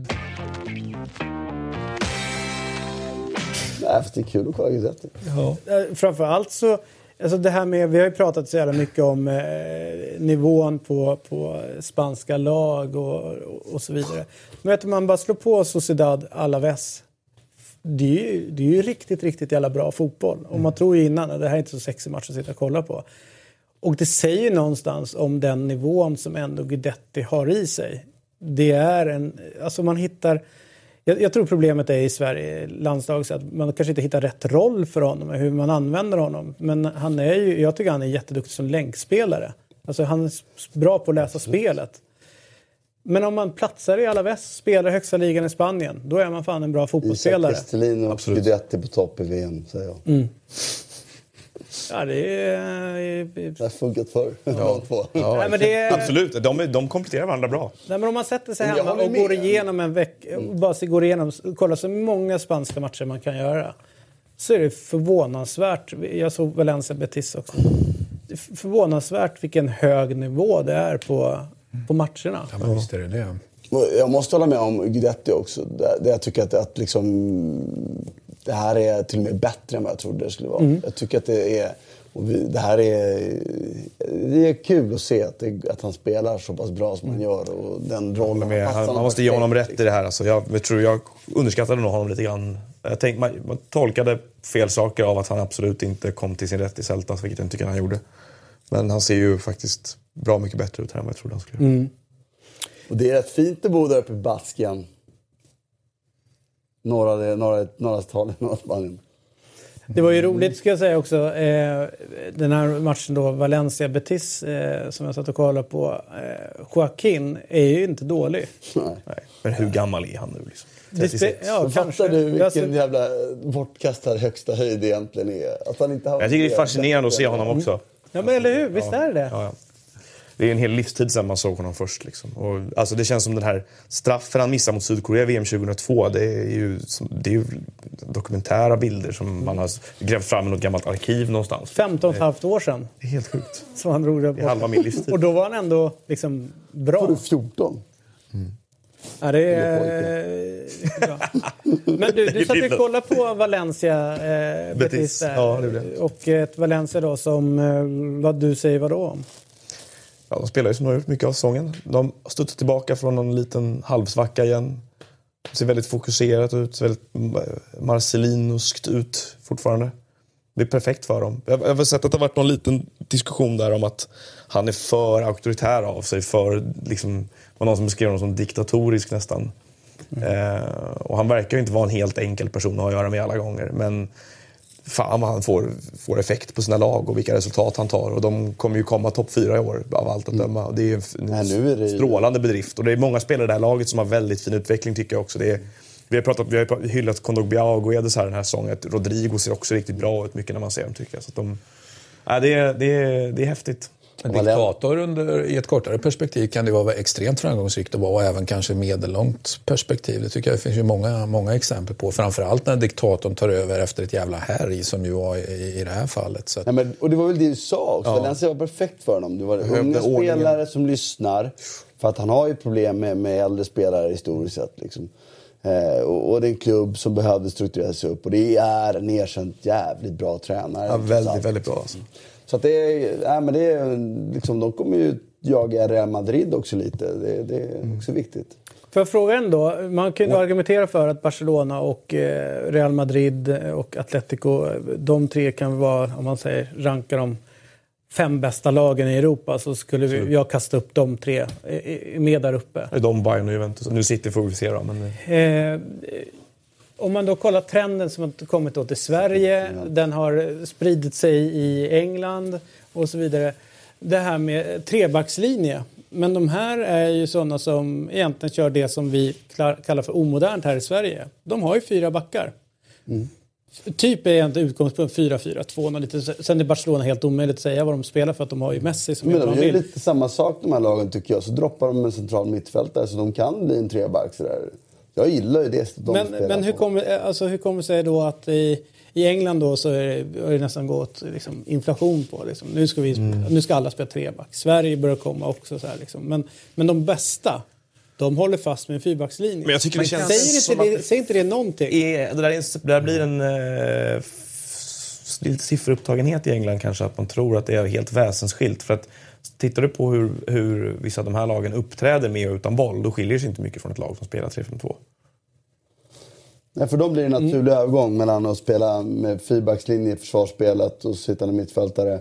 När man spelar upp, uppspelsfasen så drar man sig med mittbacken och droppar. Liksom, det är ju väldigt nära besläktat. Liksom. Men jag satt och kollade på då De de Valencia tycker igår. jag- Det är också en fyrbackslinje som inte är liksom så. De, man får väl säga att de är den ganska är bra mer också. hårt 4-4-2, om man ja. kollar på Sociedad som jag var, spelar bra. Alltså man säger den bästa fotbollen spelas i land där de absolut flesta lagen spelar 4-4-2. Eh, men, Det, är- ja, det är klart att Barcelona, som du säger, är lite fel jämföra med. För Barcelona spelar ju verkligen inte. Nej, de det är någonting systemet, annat. Nej. Liksom, och där är det ofta, tycker jag, en treback när de går upp. Eller tvåback till och med. Alltså de, men eh, dels, dels så, så eh, är det som Noah säger, en liten sifferupptagenhet som vi liksom... Alltså det är, vi pratar egentligen om system i utgångspositioner. Det är ju sen hur, man, hur man, duktig man är på att röra sig dynamiskt mellan lagdelar. Alltså förändra den. Det tycker jag alltid att Spanien har varit jävligt bra på. De håller också alltid fast med en forward. ju. Och spelmässiga principer. I både England och Sverige har ju 4-4-2 varit nära förknippat med att man vill med riskminimerande approach. Det gör inte de här lagen på samma sätt tycker jag. Det är ju mycket mer mycket större liksom, vilja att behålla bollen. Att två av dem riskmaximerar ju kan man ju argumentera man för. Så att, eh, riskmaximerar eh, när de känner att de har. Men man kan inte säga att Barcelona eh, på Stamford Bridge höll på att risk, riskmaximera. Utan då var, låg de ju faktiskt i en fyrbackslinje ganska ofta. Fast de i hade ju typ vad hade de 68-69% bollinnehav. Jo, men det kanske inte säger jättemycket. Du måste kolla var någonstans man har bollen har. Men däremot när, de, när Chelsea väl gick upp så låg de ju med eh, Jordi Alba där på ena kanten, andra ytterbacken Jo, där. alltså, så fyrbackslinje men bara, bara spela med Jordi Alba och, och Sergio Roberto som ytterbackar vill jag hävda är lite riskmaximering. Så kan För man Jordi göra. Alba Mar- och Marcelo till exempel, de är ju bara bra när de får spela offensivt yttrar. Liksom. De är ju inte ytterbackar överhuvudtaget egentligen. Jag pratar inte egentligen, utan jag tycker bara mer så... så här, om man ska spela, jag, jag hävdar att det krävs en större spelintelligens hos spelarna för att eh, liksom, klara av att vara flexibla. Absolut. Och då tycker jag det är helt eh, självklart att Barcelona, Atletico, eh, Real och de kan hålla på med, den, eh, med det sättet. Men det blir ju lite lustigt så här när man då ser eh, Kolasinac eh, hos dig då till Ja, exempel. eller mindre lustigt. Ja, eh, och det blir eh, också än mer eh, lustigt när man då kollar in allsvenskan emellanåt och ser liksom vilka... Alltså, de klarar inte av det här. De vet inte vem som ska stå, gå ut på den ytan. Och då skickar de ut någon central mittfältare och de har tappat hela principen utav det där. För då blir de ändå nummer ett underläge för att det är fel person som Nej, går men ut vi, i. vi, vi är ju taktiskt underutbildade i Sverige. Liksom. Ja, och därför blir det jättekonstigt med, eh, med när de här grejerna införs. Bara värva in massa spanska spelare helt enkelt. Och sen måste... Som Sundsvall gör. En, en, en Nej, men jag tycker det är fascinerande att se. Liksom, för de här klarar ju av det. Och de lagen som De i Spanien de var som 11 inte år. klarar av det riktigt, de går inte ens dit. Utan de, okej, vi kör här. Sen är de tokoffensiva med sina ytterbackar eller wingbacks, vad fan nu ska kalla det för. Och de har den kvaliteten. Men de har också kvaliteten och orken att ta sig den på rätt sida. Liksom. Mm. Och tekniskt är de ju jävligt skickliga. Men en position som de gör bättre än alla andra, eh, tycker jag faktiskt. Eller de gör den väldigt typiskt spanskt. Eh, självklart finns det grader där, men det är ju mittbackspositionerna. Det är ju fantastiskt att se. Och det har ju varit så under så länge jag har tittat på fotboll. Att se en spansk mittback med en boll är ju, är ju en njutning. Sen Det hade är du- en fotbollsspelare, inte inte en mittback. Eh, Exakt, de spelar och, och, och många gånger spelfördelare. Jag säger inte att det är i alla de här tre fallen, men rent, rent historiskt har det fördelats väldigt mycket boll från mittbacksposition. Och det, är ju, det har ju liksom inga andra gjort på det sättet, inte ens varit i närheten av. Och under lång period så, så kanske de fick betala ett pris för det. Men sen slog de ju också igenom ett tak i något läge. Där de, och det är ju det som är så häftigt om man bara försöker hitta en förklaring. Att de, de vågar det var en omistlig del. Många andra fotboll, eh, kanske svensk fotboll, som hade blivit stressade och tyckte att det här fungerar inte, vi får inte resultatet, vi gör en ändring. De skiter i det. De, eller de sket i det rättare sagt. Och bara så, här, vi, så här spelar vi fotboll, så här spelar Barcelona fotboll, så här spelar Real Madrid fotboll. Ja, men fan, så där kan ni inte spela försvarsspel, ni, ni, ni är dumma i huvudet.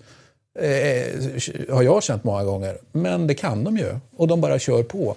Och är så underbart trygga med boll. Till och med mindre, mindre bolltrygga eh, mittbackar i spansk fotboll. Ja, de kör ju ändå. Och det, det, är ju, det är ju den enskilt coolaste, häftigaste och bästa detaljen måste jag säga med spansk fotboll. Men det är, också det, land, det är också den ligan och det landet som har sett frukten av eh, ett kontrollerat bollinnehav bättre än de andra länderna i Europa. Så att jag menar att, den, att sådana egenskaper uppmuntras fortsätter uppmuntras där. De har också sett att det inte är naivt eller romantiskt att, ha, alltså att uppmuntra mittbackar att spela på det sättet. Om du liksom, tvärtom, du, titta på hur det pratades om John Stones när Pep försökte börja göra det med honom i, i England förra året. Då var det ju liksom, allt, det. allt fokus var på misstagen istället. Liksom. Att det här är det här är dödfött och han vet inte vad han gör. Nu kommer han med sina spanska fånerier här. Liksom. Och Stones var valpig. Och sen ett år senare så, är det, så är det, kan ingen ta bollen av dem. Chelsea ger upp halvvägs genom matchen. Liksom. Med det sagt så kan jag tycka ibland att det blir lite för mycket av den Så kan det bli. varan. Det, det lite jag svårare hoppas att utföra än att, än att säga det. Liksom. Det ska bli väldigt kul att se eh, Barcelona mot Chelsea. På... De var, Barcelona tycker jag var bra. Ja, ska vi ta det då? För att eh, jag, jag skulle nog vilja landa tillbaka lite grann det, det Noah skrev om. Och det är ju, det är ju Messi. Eh, Alltså, det, det, det, Okej, alla superlativ är liksom borta. Man kan ju inte säga något mer om den här lilla fantastiska fotbollsspelaren. Men Så låt den- oss prata om Barcelona Ja. och Atletico Madrid då istället. Ja, men, bort nej, men det går inte att inte prata om Barcelona och, och ta bort honom. För att han är ju den som är tungan. Och det, dels frisparken han drar in. Men när han dribblade tre stillastående, chippar då ut. sköt han den till slut istället för att passa. Han skulle passa till Coutinho. den aktionen var Men den aktionen var ju så här, man bara... Det, jag kan säga så på riktigt, det är fan en ynnest att uppleva hela hans, Ja, hela hans jävla karriär. Jag kan, visst, man kan vara- bli trött på att det pratas för mycket om honom, men folk kommer blicka, inte blicka tillbaka sen och säga fan, jag fick uppleva Lionel Messi. Och så vinner han ändå till Guldbollen år efter år. Det är så sjukt så det finns inte. Ja, men nu har han ju, nu har han ju, det känns som, kommer ihåg för något år sedan när man på något sätt är han på väg ut, han blev lite långsam, ska man försöka hitta någon annan position för honom? Ja, fan, han tog ju tag i sin fysik. Och nu är han ju Sluta nästan bättre än någonsin. Ja, han är så bra. Läsk. Ja, men Men är det... Barcelonas förmåga då och, och, och sakta men säkert kalibrera in rätt spelare i den här startelvan. Visst, slänger ut någon miljard här, en halv miljard där på spelare med. De har råd att göra det. Men nu liksom, jaha, Umtiti och Piqué, ja, men fan shit, Umtiti var han sitter. kanske var självklart, tycker massor från början, men för mig är det inte självklart att han ska sitta. Men sakta men säkert, Jordi Alba ser hur bra ut som helst nu. Eh, alltså, de är ju mästare. på Coutinho känns ju jättefin. På väg in Men i det där bättre är, nu. ändå- finns det lite mer att hämta. Det, jag, Det kommer Ja, men det komma. finns säkert mer att hämta, men de är ju... De är ju Och Dembélé är ju spelare de säljer om några år Två- förmodligen. Med att få tillbaka pengarna för att han är så pass ung. Liksom. Men två, två skålar liksom. Vi- vi- Visst, man kan ge dem kritik för att ja, men titta bara på så mycket misslyckade eh, förvärv så att säga, som de har gjort. Ja, men det spelar faktiskt ingen roll. Ett, de har råd med det. Man kan tycka att det är lite onödigt att kasta bort pengar. Men, men de är ju världsmästare på att, att kalibrera sin startelva, måste jag säga. Och de har Det- anställt en fruktansvärt bra tränare av allt att döma. Ja, han, han gör ju bevisligen det han ska. Tycker jag i alla fall. En väldigt, väldigt bra tränare, absolut. Jag bara säger att jag tycker kritiken mot dem var befogade sportsligt, men efter det, efter det här sommarfönstret var ju ett lysande sommarfönster. Sälja Neymar var ju var inte liksom självvalt, men det blev ju väldigt bra. För att jag, Dembélé är ju inte spelare jag, då tycker jag, tror inte att han kommer bli, jag, jag har jättegärna fel men jag tror inte han kommer bli en stjärna i Barcelona. Liksom. Han passar det. Men Paulinho, vem fan trodde att han skulle vara så nyttig? Och vilket lyft det gett till andra spelare i truppen. Nu är Paulinho inte så bra just nu, ska inte spela. Nej, men det har gett utrymme. Under rätt period i säsongen var det. Ja. Men det, och sen även tycker jag hur, hur om det är en fråga om Valverde, allt det här då, eller om någonting annat så. Eh, jag kommer ihåg hur man tittade på, och jag i alla fall pratade om Suarez en bit in på säsongen, fram, fram hela vägen Men det var ju berättigat där. Ja, och det såg helt kört ut. Det såg ut som att det var över. Han såg ut som att han... Så, men det såg inte bra tyckte hans muskler såg förtvinade ut. Liksom. Det var inte, han kunde inte springa längre. Men, eh, men nu är han ju fenomenal. Alltså, Och nu vad är- han jobbar. Vilken han är tillbaka i, han tillbaka i sitt slag. Liksom, så här. Det, den, som, de, som de första halvlek de gör igår är ju riktigt bra tycker jag. De, de borde ju egentligen kanske ha med ett mål till med sig. Från Men har inte Rakitic höjt sig också? Är inte han mycket bättre? Verkligen. Och där har den enskilt in, alltså interna spelarna som har höjt tycker jag. För Piqué blir bättre, men han har blivit bättre också för att han spelar Umtiti som är faktiskt... är riktigt bra. Ja, att han skulle bli så bra, det, kan, det trodde inte jag heller var självklart. Men han var, det var bra nyförvärv när de köpte honom från. Han var riktigt bra. Och i andra halvlek igår när Atletico flyttar upp så hanterar de ju det väldigt bra tycker jag. Det är liksom på ett sätt som... Men det, det är väl det enda, som sagt, de skulle ha gjort 2-0. För att Mm. där, Nu blev det farligt. det, det var ju, den där offsiden på Costa är ju med... Men det är typ den enda bra chansen de skapar. Mm. Ja, de har ju annars någon nick från Saul och, och någonting till, men det är ju Atleticos problem lite grann. De är inte riktigt tillräckligt Och då vi konstruktiva. också säga att, vilket man lätt misstar sig, jag pratade om det tidigare tror jag, att Simeone har ju inte någon vidare bra fas med Barcelona faktiskt. Han har varit bra i två cupmatcher när de slagit ut dem. Ja. Men i ligan så har han ju faktiskt haft jävligt svårt Och det där krysset när de vann ligan, han fick med sig poäng från Mm. Camp Godin. Men det vi alla vill och kräver nu det är ju att här och nu vill man ju se det här mm, liksom pepp mot pepp. Det vill säga det som finns kvar i kölvattnet där borta efter att Pep var där. Kanske bara är Barca-grejer och så råkar Pep vara där en kort tid. Va? Men City, Barca, här Ja, och nu. kul. Ja, Nej, men alltså, kan man få kräva det? Jag tycker inte att... Eh, det, det intressanta tycker jag, du sa ju om Barcelona här inledningsvis, eller efter 30 minuter i, i introt. Eh, från 05-06. Eh, vad, liksom, vad var Barca då och vad är de nu? Jag skulle vilja argumentera för att sen dess så tycker jag hela tiden att Barca har utvecklats lite grann. De, de har liksom, det har hänt någonting med att när, när, när Villanova tog över, ja, det hände inte så jättemycket men det blev någonting annorlunda. Mm. Eh, och eh, när, när han klev åt sidan och så kommer Luis Enrique, ja, då började vi prata om det lite mer direkta Barcelona och det blev någonting nytt och nu är det ytterligare någonting annorlunda som har hänt. Så det känns som att Barcelona som klubb hela tiden gör Ligger små grejer för att utvecklas. och, de har, då- och de har den här spelaren. Ja, och att han fortfarande levererar. Och man får ändå argumentera för att nu gick ju Iniesta sönder, han, gick, han klev av. Men trots att Iniesta är i en annan roll och eh, det är inte samma typ av spelare så gör han fortfarande jäkligt mycket grejer som om, om man inte hade sett honom tidigare hade tänkt så här, fan vad han är bra. Eller hur? Men nu bedömer man honom från när han var den här vätskan som bara flöt fram. Men han har tagit en annan roll och på något sätt underordnar sig Messi eller tidigare Neymar eller så, och gör ett, ett jobb som är skitbra. Och så Busquets. Alltså, vet jag, jag man- väntar ju på nästa generation Barca-spelare. Det, är många- det var länge sedan någon slogs in i startelvan och blev riktigt bärande ändå av de här eh, egna spelarna. Så är det ju. Det är Det är det faktiskt. Mm. Och Men då- det är fortfarande, i dagens elva så är det ju ändå två i backlinjen som är, är, är varit i egna leden. Både Alba och Piqué har varit det. Och Roberto. Roberto, Roberto är ganska nyligen, eller? Han kommer stod vi in för ett eller två år sedan. Ja, men de tre, ändå de tre har varit i egna leden som ungdomsspelare. Busquets va? Busquets, Iniesta, Messi. Ja, det är ändå ganska bra. Mm. Ganska bra när man pratar om eh, det är inte lätt att få fram världsspelare. Så, Halv- så, halv startelva som så har inte de en förlorar en match i La. Liga. Eh, men, men det som jag tycker är intressant under, för jag kommer ihåg förra året, då var man ju liksom så här, shit de måste ju göra om helt, de måste börja plocka in Verrattis, de måste plocka in Ja, någonting annat. Alltså, vet, var, ju, var någonting som, de måste göra någonting för att komma ikapp Real, de måste göra någonting för att inte tappa mot de allra bästa i Europa. Ny tränare in, som skruvar lite grann på det, något nyförvärv in, men sen se hur många som har höjt sig internt. Ter Stegen förra året Fy och i år. fan vad han har varit bra, Rakitic alltså. förra året tills i år. Busquets förra året tills i år. Suarez tycker jag är tillbaka till han börjar jobba och Messi bättre än någonsin. Och så vidare. Valverde får, man- måste man börja så här, kika Ah, på det, vad har han är, gjort. det, det har inte gått att göra det bättre än vad han har gjort det här. Alltså. Det är så. Och jag vill ändå då hävda att, att de har haft lite flyt eftersom Real Madrid, det sammanföll med Real Madrids väldigt märkliga samman... Och Om det- de hade bara rullat på, för det är ju den här... Då hade det inte de fått den här ron i, i klubben att göra de här nödvändiga... Då hade det varit mycket... Alltså Valverde hade kanske lyckats med den här förvandlingen ändå. Men han fick ett utrymme gratis, så att säga, av, av Real Madrids Jag vill Det är bara det säga som är det Alba stora- också är bättre i år än förra året. Så det, Det är det, är som är det stora självmålet här. Det är ju lite grann som när, när, när Galliani skickade iväg Pirlo till Juve. Alltså det är lite grann, eh, man hade ett läge att inte göra det här vansinniga. Och, och Real, jag tror i historieskrivningen, om vi drar det här några år framåt kommer det vara väldigt viktigt att, att, att Real hade stor del i att de gav Barca arbetsro när Barca egentligen inte hade arbetsro. Utan det var, Hade Real de- Madrid gått som tåget, då... hade det varit, då hade det varit jobbigare. Va? Och då, Men, men betänk också Självmål. Atletico då, som är på andra plats och vi pratar om ett, ett lag som kanske är up there bland Mm. tredje bästa, fem bästa i Europa.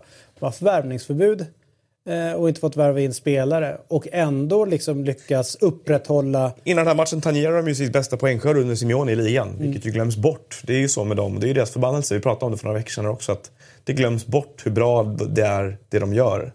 Eh, lite i skuggan av de här två jätteinstitutionerna som är framför dem hela tiden, tycker Det är jag. rätt bra spänst. ja, Costa, Costa, kolla högt och. Saula. Men eh, nej, verkligen. De, de, eh, de gör en supersäsong internt. Det kanske också hjälps av att de då inte riktigt funkade i Champions League i år. Jag hade ju var ändå en besvikelse i den här matchen. Ja, får man ju eller säga. Jag tycker jag också också det var. lite det. Det tycker jag också de var. Även om Barca, jag tyckte Barca var jättefina. I love it. Nu måste Men jag fan jag gå. Jag har nästan möte nu liksom. Ja, gå. Vi, vi kan fortsätta prata om den här matchen.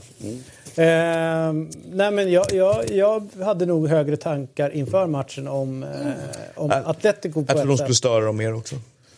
Ja, de avslutar ju precis. Det var ju någon annan match ni pratade om så där det inte varit ett enda skott på mål. Det var ju samma sak här. Eh, och, Mm. Det och det blir ju någonstans... Ja, hej. Ja, det. Eh, det blir ju...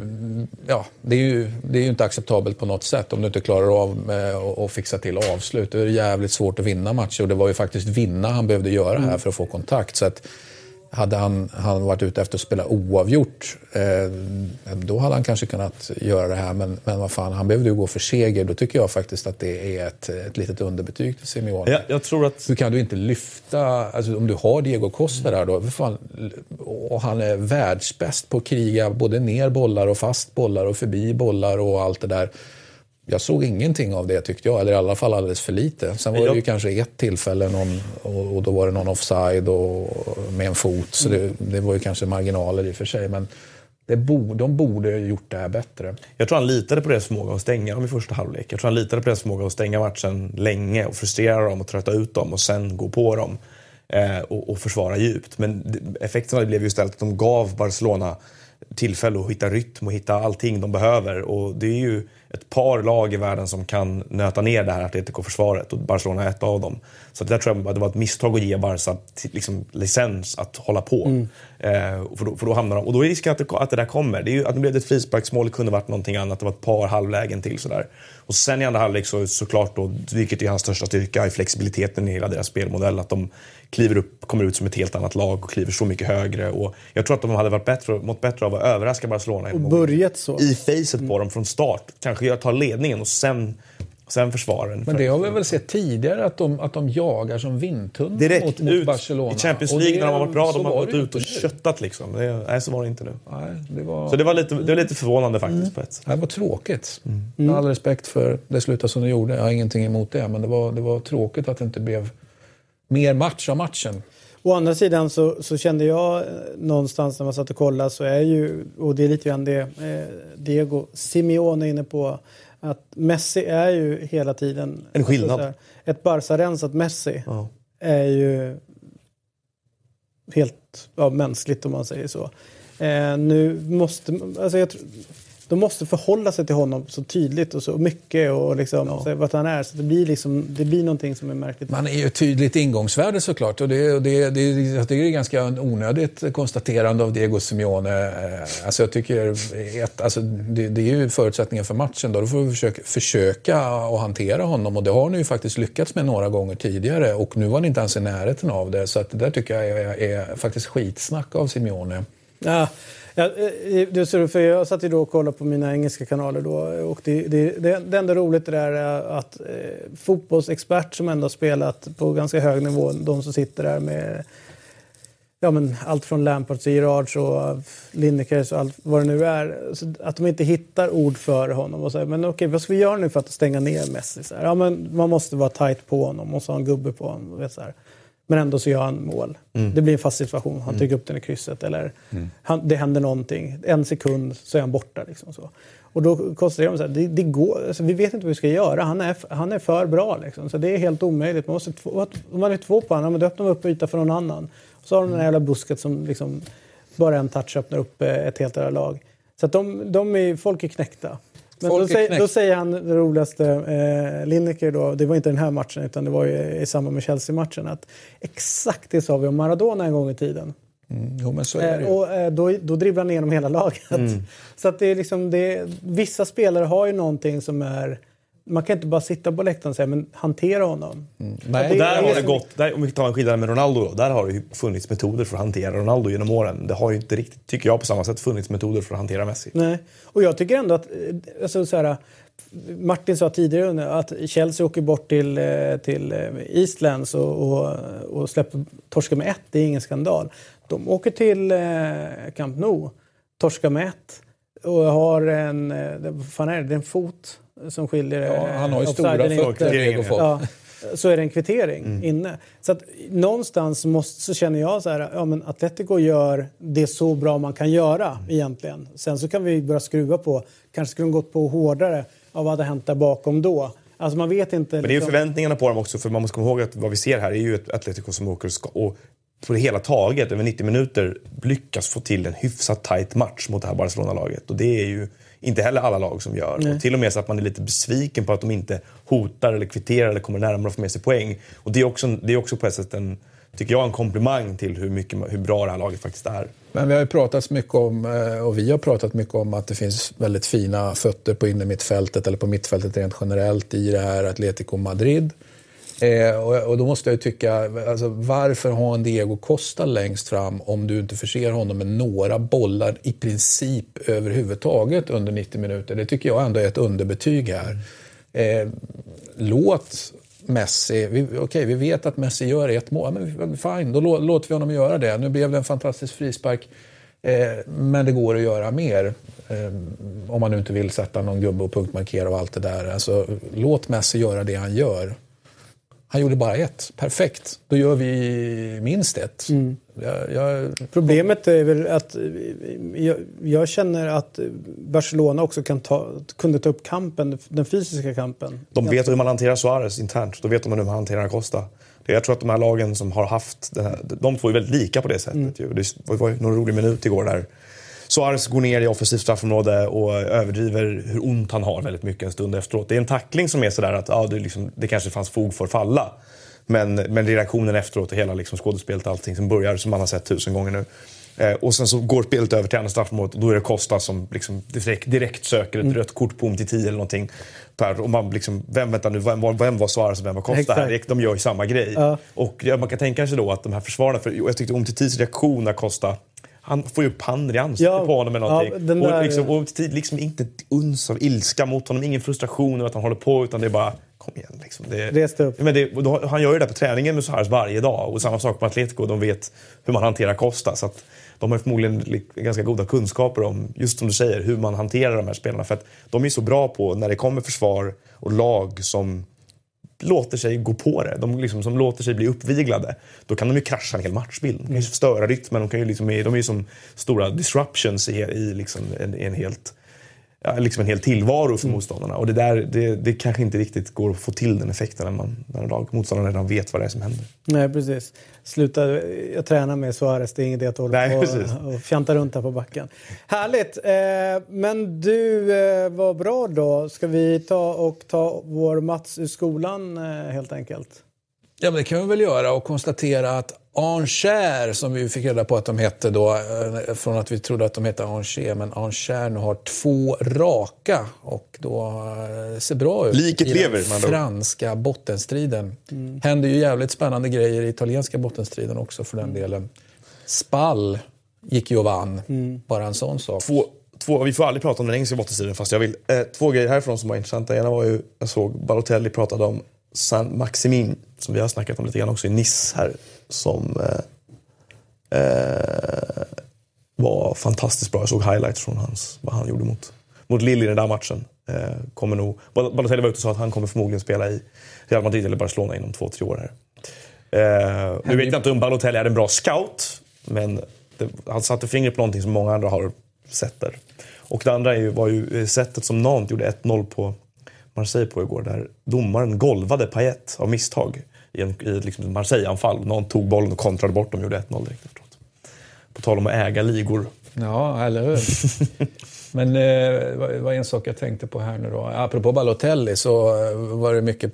Raiola har ju varit tydlig med nu att ah, men han vill, nu vill han tillbaka till Italien. Nu är det Italien som gäller och han, han kommer vara ett perfekt köp eller ett strålande köp. Han kommer inte kosta någonting. Var inte riktigt den bilden av, av det som Nice hade. För Nice gick ju till full attack här. Att, att det är inte så att han på något sätt kan gå gratis. Så det ska bli spännande att se. Det är väl förmodligen så att Raiola, han får ju alltid rätt i de här lägena. Men det var en så tydlig faktakoll från Niss sida. Raiola var också ute och snurrade runt Donnarumma också, att det är dags för honom att lämna. Så att man vet inte riktigt. Du, eh, jag zoomade ut de sista två minuterna där när ni höll på att prata om den här konstiga ligan. Vive la France! Det jag kan konstatera från veckan är ju det är alltid lika fascinerande med Neymar, Neymars extrema martyrskap. Varenda gång han har gjort illa sig så ska han på den där rullstolen och sen ska han rullas in i Brasilien. Och så är det fullt med tv-kameror och allt Och det-. Stora tårar och alltihopa. Nu, nu, och sen så kommer bli... eh, Han, han vet hur man bygger eh, intresse kring Varumärken, sin ja. varumärke alltihopa på, på hemmaplan. Det ska gudarna Du, veta. eh, vi har fått några tittarfrågor. De kommer vi ta nästa vecka. Vi kommer även ta bottenstrid nästa vecka. Plus att vi har fått en rätt eh, intressant grej på vårt bord. Det är från Mexen som har en grej att man ska få nominera matcher till Europatipset. Det Wow. behöver inte vara någon från högsta ligan. Det kan vara att du och jag känner att fan, Serie B. ta det lugnt nu. Det kan vara ett Istanbul-derby som man känner, fan där, den där borde vara med på Europatipskupongen. Mm, Bra Eller grej. Eller hur? Riktigt bra Vore grej. inte det en jävligt rolig grej att köra? Faktiskt nästan genialt. Eller hur? Att, Bra. vi, att, vi, att det utgår ifrån soffan och stolarna här. Och sen Bra, får man Max. typ göra någonting, hashtagga och så får de... Men det behövs vara liksom två veckor innan kanske. Innan liksom, Japp.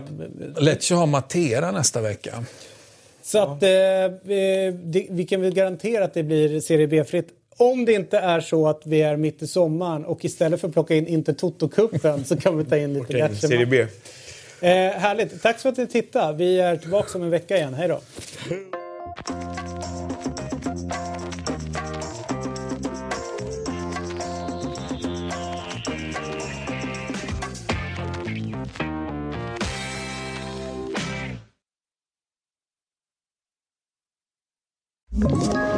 Ett poddtips från Podplay. I fallen jag aldrig glömmer djupdyker Hasse Aro i arbetet bakom några av Sveriges mest uppseendeväckande brottsutredningar. Går vi in med hemlig telefonavlyssning och, och då upplever vi att vi får en total förändring av hans beteende. Vad är det som händer nu? Vem är det som läcker? Och så säger han att jag är kriminell, jag har varit kriminell i hela mitt liv men att mörda ett barn, där går min gräns. Nya säsongen av Fallen jag aldrig glömmer på Podplay.